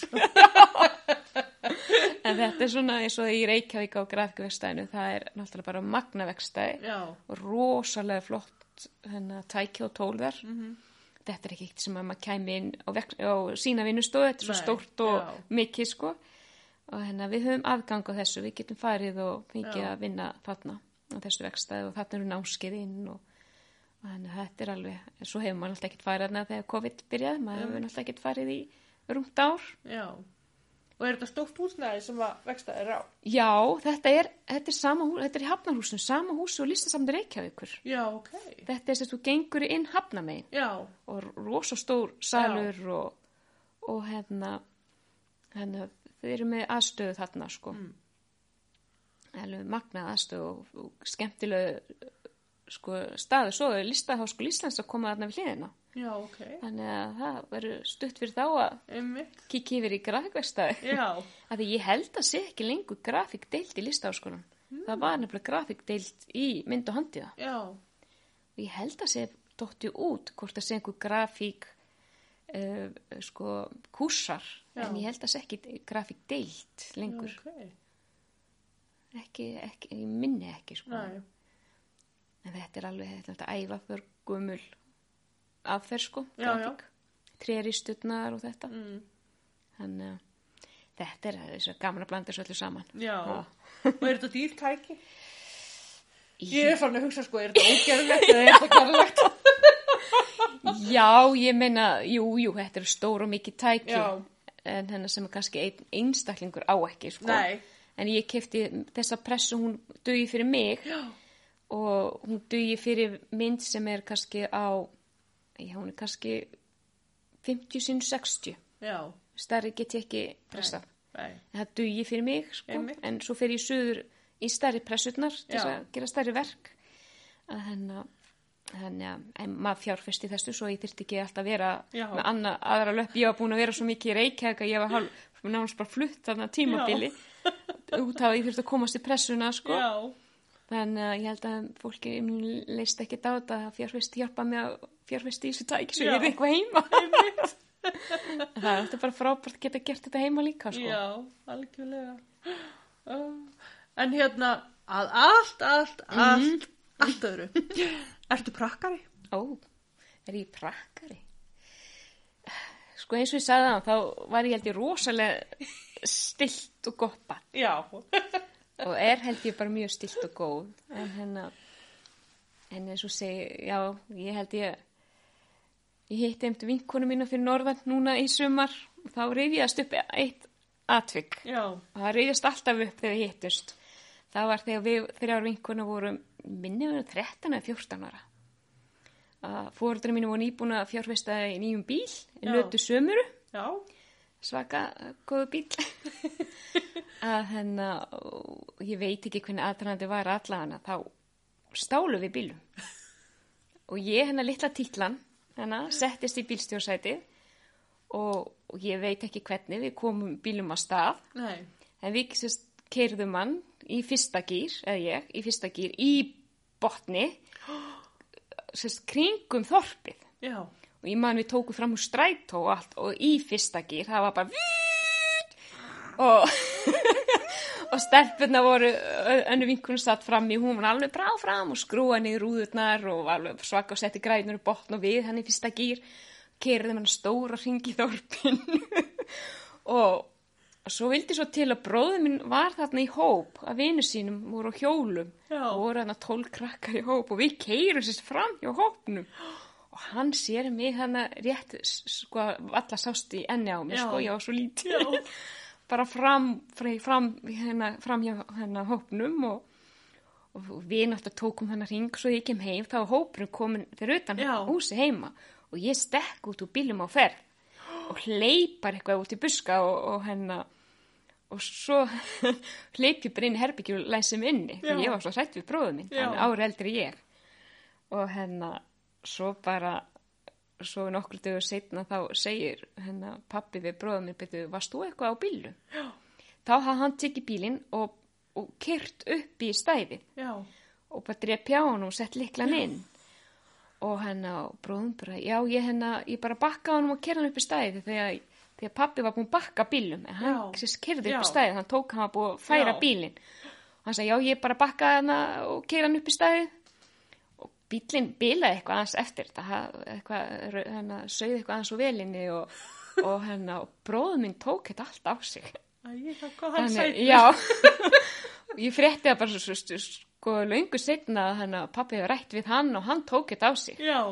og pappi frétti að þessu bara 30 áru setna að ég hef stólið bílum og, og við kerðum hann að stóra. Þetta var örgulega, þetta hefur verið sennileg verið sko næstu 5 km ringur sem við gír. alltaf, ég, ég kunni alltaf ekki á bíl og hafa bara skellt í fyrsta gír og bara Það fyrir áfram og hann þetta og ég man ég hljópinn á svo skrítin líkt og svona rauk og en hennar bróðum mig tók þetta alltaf á sig og, og hennar, en hennar pappi var að velta fyrir sig hvað var að bílum að það var svo nýr nýbúin fá. Og alltaf við vinkunni hittust þá fyrir við alltaf að ræða um þetta hvað þetta var geggjað Og pappin hefur ekki skammað þig svona eftir á. Nei, Nei. nei, 30 árum setna eða 40, nei, nei, nei, nei, ég held að hann hefur aldrei trúað þessu upp á mig. Aldrei, sko. Hans, hans vitlisa. Já, þetta held ég eina svona prakkarastryggi sem ég man, að það hafa alltaf verið þetta upp því að Já. ég er svo gleymin, ég Já. man aldrei neitt, ég er bara, svo, svo heyri ég líka svo illa, Já. að ég hef svona heyri einhver, það er einhver tótt sem ég heyri ekki, Já. og ég tala til því líka svo vittlust, og hvað þá ég lesblind, þokkabút, og ég held að þessi aðlega skemmti hennar, svona skemmti fjölskyldnum mest, það er að því ég tala svo vittlust, ég tek illa eftir og ég er svo duglega búið til ný orð. Já. af því að ég hef heyrt svo vittlust líka. Já.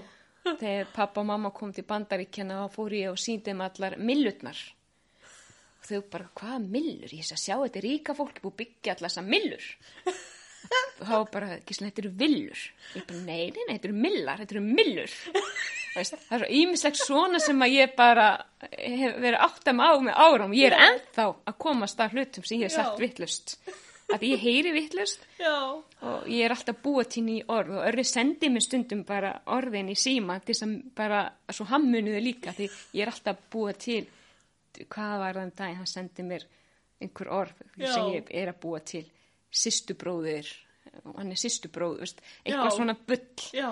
en hérna, það er ansi mörg orð sem að ég hef búið til gegnum tíðina sem að mér finnst bara bara mjög röggrægt Já, bara bara virkilega eðlilega orð. algjörlega, Já. meina, þú fer út, út á veröldina Já. Þetta er veröld, þetta er svo stórt, þetta er veröld. Já. Ég komst að þetta heitir verönd. Ég bara, hver skýr þetta verönd? Þetta er veröld. Þetta er svo stórt, þetta er bara svo veröld. Já. Bara, hvað villis er þetta? en það er svona finnst Já. það- mér finnst það alveg geta verið Það er alveg eitthvað. Finnst það ekki? Algjörlega. En, Ég er í sem gera líka. já, ekki. Mjög dugleg og ég held bara fólk haldi bara því ég er norrlensk, þá Já. er þetta eitthvað svo norrlensk orð. Já, þetta er ábygglega eitthvað. Ég- ég segi það. Já, ég segi það alltaf, þetta er eitthvað norrlest. Já. Þá er það bara eitthvað bull í mér, sko. Ummitt. Veist, þú ert á skýðum, veist, þá ert í pló. Já. Ég myndi kló, þetta fari í kló, um pló, hvað er pló? Veist, bara- já, alls konar. Og öðru sem hann getur skrifað bók Já. um hennar orðin sem að ég kem með. Það er- eru stundum mjög fyrirleg. Já. Kannski spurninga og fara að bæta bara aðeins í orðabókina. Já, ég held ég er bara nokkuð góð í um þetta komið svo nýjirði. Já. Ég er mjög duglega í því, Já. komið nýjirði. Það er góðu því. en hérna, hvar byrjar að vinna fyrst og hvar? Herru, já, Og hvað varstu gömur? alltaf bara það þræla út sem barni. ég byrjaði náttúrulega að passa börn. Já. Ég held ég hef verið tíu ára þegar ég passaði barn frá 8 til 4 Já. og hérna með mamma var í vinnu og svo fór ég alltaf bara í vinnuskólan og var að vinna á leysskóla í vinnuskólanum og svo fór ég í hennar í, í hennar sveimbjarnagerði kjúklinga ekki á kjúklinga Bú. bú Já, ok. og var sérst að hennar þó kjúkling eins og ég kalla á hennar setti kjúklingin í svona þóttavél Já. og fullt af hennar krytti og ræði álbakka þá var Já. byrja að koma svona tilbúið Já. Ég vann við þetta því ég var að byrja í, því ég var í nýjöndavekk. Já, ok. Þá vann ég þarna, það kom alltaf bíll til akkur og sótt okkur og keir okkur þarna í sveimbjarnagerði. Og hérna, já, og svo fór ég á laugatum og tók ég aukavinu og fór ég og týndi ekkin og setti bakka á hérna, á búinu líka, það var svona aukavinu. Og svo þegar ég var að byrja í tíndabekk þá fór ég, by- byrjaði ég að vinna í Brynju, í spúinu Brynju. Já. Ég var alltaf kvöldi Brynjustelpan. Fann þar alveg með skóla og einhver, einhver sumur vann ég í spúni Brynju. Og svo var ég hjá KEA, leikfangadeild og fatadeildin í KEA þegar ég var í grunnskóla líka. Og já, maður að vera mörgu stöðum hérna fyrir norðan. Og svo, já, 67, pizza 67 var ég að vinna líka og svo flutti ég bara söður og þar vann ég lengst af í skartúsinu Já. á lögveinu var þar lengi og svo var ég bara í námi alltaf Já. það var nú alvinnan alltaf, það er þetta nám Já. fór í listaháskóla Íslands kláraði textil og fatahönnun og svo komum við bara fljótlega til leiða Já. eftir það þannig að Svo kendur í framhalskólanum í smáttum? já, svo kendi ég hérna í framhalskólanum og þá ákveði ég taka framhalskóla kennsluréttindin Já. sem ég gerði kendi ykkur tvær annir þú varst nú í Ég var í, já. já, já, já, Já, fyrirmynda nefandi stóðst þér rosa vel það var rosalega Líka gaman. svo góðan kennara. Já, takk fyrir það. en það var rosalega gaman að hennar vera að kenna þetta framháskóla og hennar var alveg til ég að taka eitthvað svona meira. Já. og hennar já, hvað var ekki, ég fata hennun kenna fata hennun, já. já.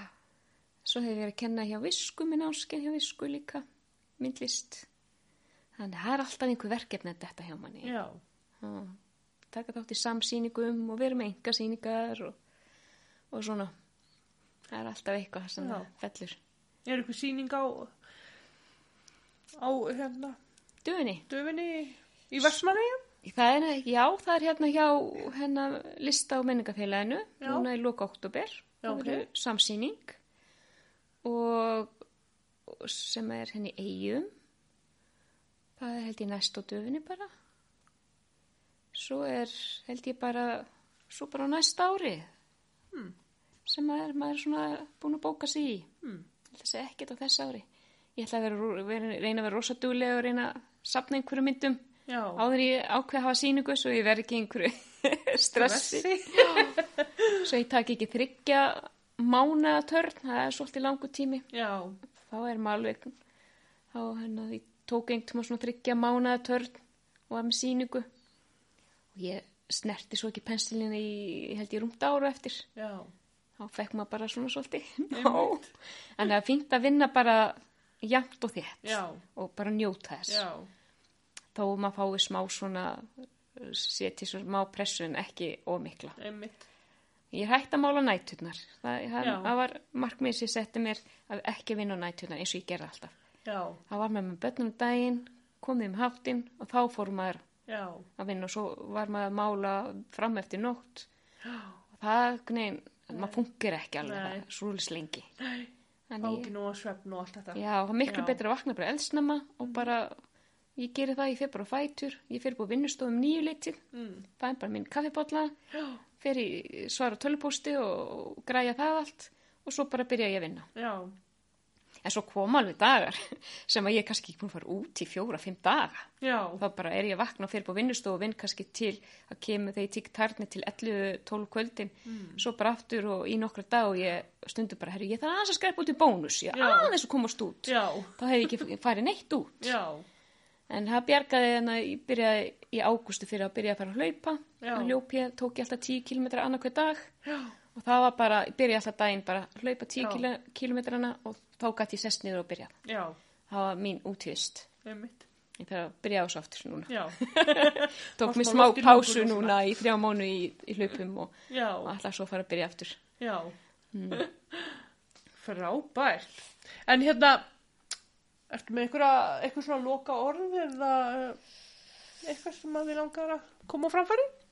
já, já, bara bara vil þakka fyrir frábæra viðtöku sem ég fekk fyrir bleikumyndinni minni Mm. bara frábært að fólk vilji taka þátt í þessu og styrkja þetta flotta málefni hjá krabbavörn, þau eru að gera ótrúlega góða hluti Mm -hmm. og hann eins og segi, ég vona bara að ég ná að selja allar þessar 20 myndir og hann að geti styrt þetta félag. Já, mér finnst bara frábært hvað fólk tekur vel í allt svona sem maður gerir. Einmitt. að hann að eins og segi, það er þessi samkend og, Já, og hann að bara, og ég bara þakklátt hvað fólk henni eigum tók okkur vel og, og hvað fólk er bara indislegt yfir höfuð. Já, hvað maður hefur gott fólk hennar það er ekki ástæðalög sem maður er búin að vera í 15 ár. Já. bara indislegt að vera hennar og ég bara segi bara þakka fyrir. Já, þakka fyrir að fá að vera vestmanningur já, hmm. algjörlega. en ég með eina loka spurningu. ok Hvernig gekk með 365 kjólana? já, gjörningi Já, ég sá nefnilega að var einn sem var að skila kjól til eiganda. já, indislegt já, guð, já það er það allt í hennu. já, hvað eru mörg ár ég byrjaði 2009 á þessu verkefni Já, þá þeim fekk einhverju fluguhausin Mhm. að hennar datt í hug hennar ég átti bókina prinsessa sem átti 365 kjóla. Já, og ég var eitthvað að taka til í geimslunum minni og átti svo mikið á fötum, gömlu kjólum. Og ég tímdi ekki láta frá mér en ég var samt ekki að nota og þá kom þetta verkefni. Já, og það var svona lítil hugmynd til að byrja með, svo bara árið við sagði að hafa hann búin að hlaða á sig og þetta var svo stórt verkefni. Og þetta endaði ja, þetta var eitt og halvt ár sem Já. fór í þetta verkefni rosalega vinna en alveg svakalega skemmtilegt verkefni. Já, en mér tókst að sapna 365 kjólum og vel það, ég Já. fekk svolítið meira. Og, þegar ég byrjaði ég byrjaði alltaf bara að ákvað bara, já, byrja á morgun. Og þá Já. átti þrjá kjóla. Já, og ég, svo var ég bara að velta undan mér alla tíman. Já, veist, ok, nú er ég bara þrjá kjóla. Ég þarf að redda fyrir næstu dögu já, þannig ég var í ár að sapna kjólum og konur allstaðar að landinu og bara íslenska konur líka erlendis. Send, voru senda kjóla og söguna með líka. Einmitt. og ég leigði þess að vinnustofu til að hafa kjólan til sínis þannig að fólk gætt komið og skoða kjól fyrir hvert dag og lesa söguna. Mm og svo var ég með alla kjólan til sínis og ég var með Facebook síðu líka. Og svo fór ég náttúrulega með alltaf gínuna út. Já, um all eigu og með, tók myndir af kjólunum Já. sem var líka svolítið svona vestmannis kynning á eigunni Mhm. og þá gætt maður líka sekunni veðri var hvort þá snjók eða rók og, ég veit ekki hvað þessi gína fór ofta á hausin hjá mér og meira þess að síðasta daginn hann fór upp á heimaklett tók Já. myndina þar. Þar var örnum með gínun á bakinu bara teipa á bakinu. Og hann að þessu komið svo upp. Já, og þar held ég síðusti kjótni var tekinn þar uppi þannig ég fór um alla eigi, tók mynd Já. út um allt. Og svo þegar ég var búin að sapna þessum kjólum 365 og þá var ég með upp á netinu á Facebook. Já. þá var þetta bjóða í kjólana. Og svo læst ég því og svo fór ég til Reykjavíkur og var með uppbóði á, á 19. hæðinni. Já, og þá fekk ég fólk og það var bara uppbóð bara með hamri og Já, alles bara og, og þar bauði ég upp þessa 365 kjóla. Já, og ég styrti það félagi í Reykjavík krabbmessfélag sem að hér bætum einstök brjóst. Mm. og ég var í sambandi við Kristján Skúlason held ég hann heitir. Mm. Skúli Kristjánsson, ó, nú er ég búin að gleyma þessu. Og hann talaði um, hann vantaði sérst, vefsíðu þar sem að konu gætu fengi betri upplýsingar um brjóstakrabba minn, hvert geti leita og hvað leiði það geta farið? Því þetta væri allt á ennsku eða sænsku og það væri ekki neinn íslensk síða. Og ég sé þess að peningurinn sem að þetta var þetta voru tæp 600.000 sem að ég fekk fyrir kjólana og sem fór í að búa til þessa síðu. Já, ok. og mass ári þetta var uppáðu væru november og mass ári eftir þá var í hörpunu opnun þá var þessi, þessi síða opnuð. Já, æðislegt. og þá hennar kom þessu félög og, og var svona opnuna teiti á síðunni. Og svo voru þó nokkur kjóli sem fengu ekki framhals sem voru ekki, ekki bóðnir upp eða sem voru ekki keift sér sagt. Og ég gaf þeim framhals líf með ég gaf einhverja í leikhúsi hérna. Og svo let ég hana Hönnur ós Hannam hennar búninguhönnu sem að sér um marga þætti fangavaktina og þessa þætti hún fekk líka einhverja kjóla til að nota í bíómyndum og, og svo leis Já, ok. og svo seldi ég nokkra kjóla þannig að þeir fengu allir framharslíf Já, það fór engin í ruslið nei. eins og maður segir og eins og segir þessi kjól hérna fekk framharslíf og sem að gekk Já. svo aftur til eigandans Einmitt. svo er spurning núna hvað verður um hann Einmitt. Það verður gaman að fylgjast með. já, það verður gaman að fylgjast með honum Já. en þetta verkefni var eins og þetta var lítil hugmynd sem var Var það rísa stór. risastór og hérna það var margir sem komu að aðstóðu og, og hérna maður bara nein, maður fæði stund svona flughausin og ætla að byrja eitthvað smátt og en þetta var rosalega gaman eftir Já. að þetta var rosalega mikið vinna Einmitt. hverjum degi vera að fylla inn, taka mynd hlaup út, leita á kjól. Og það kom tímabil sem ég átti ekki kjól. Já. þá fór ég í geimslunum mína og ég sótti kjól sem ég átti. Já. og svo fekk ég auka kjóla þannig ég kifti nokkrum af mínum út svo allir sem að sendu inn gætu verið með. Já. þannig að fengu allir að vera með. Svo, svo er ég með þetta verkefni núna að ég tók nærmyndir af öllu kjólunum af efninu og áferðinni og munstrúnum Mhm. Svo er bara spurning hvað næsta verkefni verða Já. hvort það veri 365 myndir af Já. munstrum eða Bók eða eitthvað. eitthvað maður getur kannski unni með þetta eitthvað áfram Já. hver veit Já. en þetta var geggja, þetta var rosa gaman Setja sögurnar í bók og... Já, og þessar sögur voru alltaf bara Einmitt. Það var mjög Frábært. gaman að lesa sögurnar nefnilega. og ég á þetta allt ennþá Já. allt saman en ég var með þessa síðu á Facebook 365 kjóla gjörningur og, og ég held að maður uppfærin ekki einhver tíma á dettun út þannig Já, að hún það. datt út Æ, æ. en ég á alla myndirna, ég á allt sko, Já. alla sögur og allt en það hefði gaman sem síða hefði lifa lengur Einmitt. en, já, en þetta er, já, já, þetta er rosa gaman þegar þetta gengur upp Já, algjörlega. Það er bara 365 kjólar og það er orðið hérna eitthvað sem er að hanna kjóla. sem er hanna, já er, það er getur 360 kjóla gjörningu síðan Já. þannig að það er, ég held að hún sé bara dottin út alveg. Það er leiðilegt. já en ég get bara búið til nýja og setja allt upp aftur. Já. og svo fattaði maður ekki það þegar maður var að safna svo ég þurfti náttúrulega að kaupa 365 herðatrí Já. og, ímislegt svona sem fylgdi sem maður bara gerði sig ekki. Og maður eitthvað sig ekki á svona tíma að fá einhvern í svona, fá íkja með sér samstarf og svona Já. þannig þetta var alveg vissi, þetta var alveg svona verkefni fyrir mann sko Einmitt. Algjörlega. þannig ég átti nóg að herratrjám eftir gjörningin það var bara allir skápar heim með fullar af herratrjám Þannig ef ykkur vant að herra tví að má koma ég kom nú held ég einhver út því ég kom þessi ekki öllu fyrir. Maður gerðist ekki grein fyrir hvað þetta var mikið. Nei. þegar ég komið 60 kjól og ég bara guðum góður. Ég var eftir að fá 305 í viðbútt bara hvar á ég komið svo fyrir? Já. en það var gott fólk sem kom og, kom og aðstóði og, og hérna komu að þessu og hjálpuðu mér. Það hefur gott, fólk að hérna.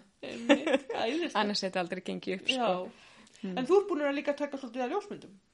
herðu, ég, á Er það þessum hægt í eða? já, ég hérna dætt í það eh, þarna 2007 og í mörg ár Já. fór að læri ljósmynd hjá Guðmundi Guðmundur eitthvað ljósmyndari, nú dóttur um hvað heitir, að hennar, það var okkur 2007 sem ég lærði hjá honum og hennar, og kefti mér rosa fína vel.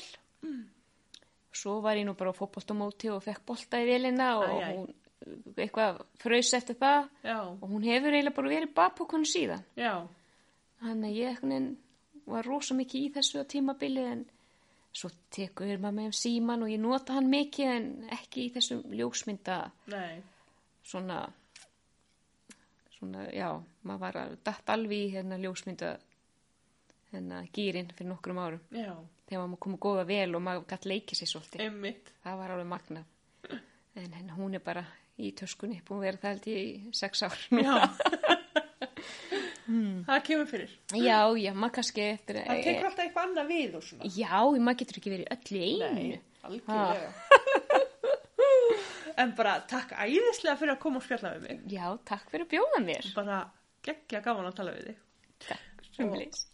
Aldrei að vita nema að ég te- tekki á þér hérna aftur. Já, þegar vekstæður er til og, Já, og, og milliskóli. Já, myndlistaskólinn eru fagnar tíu ára. Nei, Það var náttúrulega komið gerður. vekstæðið og allt saman. Allt í gangi. Já. Það er nóg að húsnaðum. Já, það er ekki.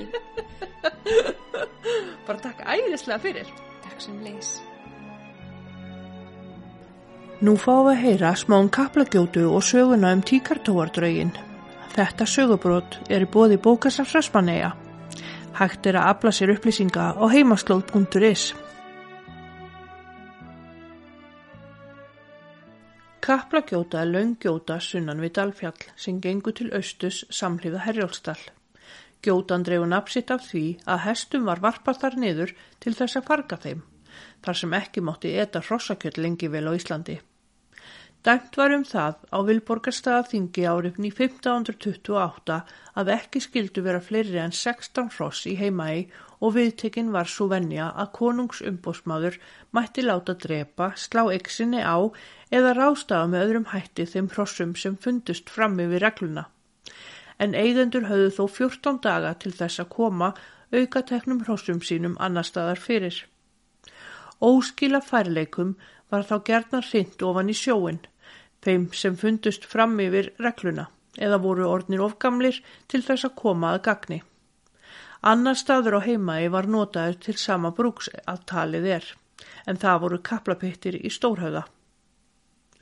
Tíkartóa draugurinn Í suðaustanverðu dalfjalli ofan við kaplagjótu eru grösúar hillur sem nefndar hafa verið tíkartær.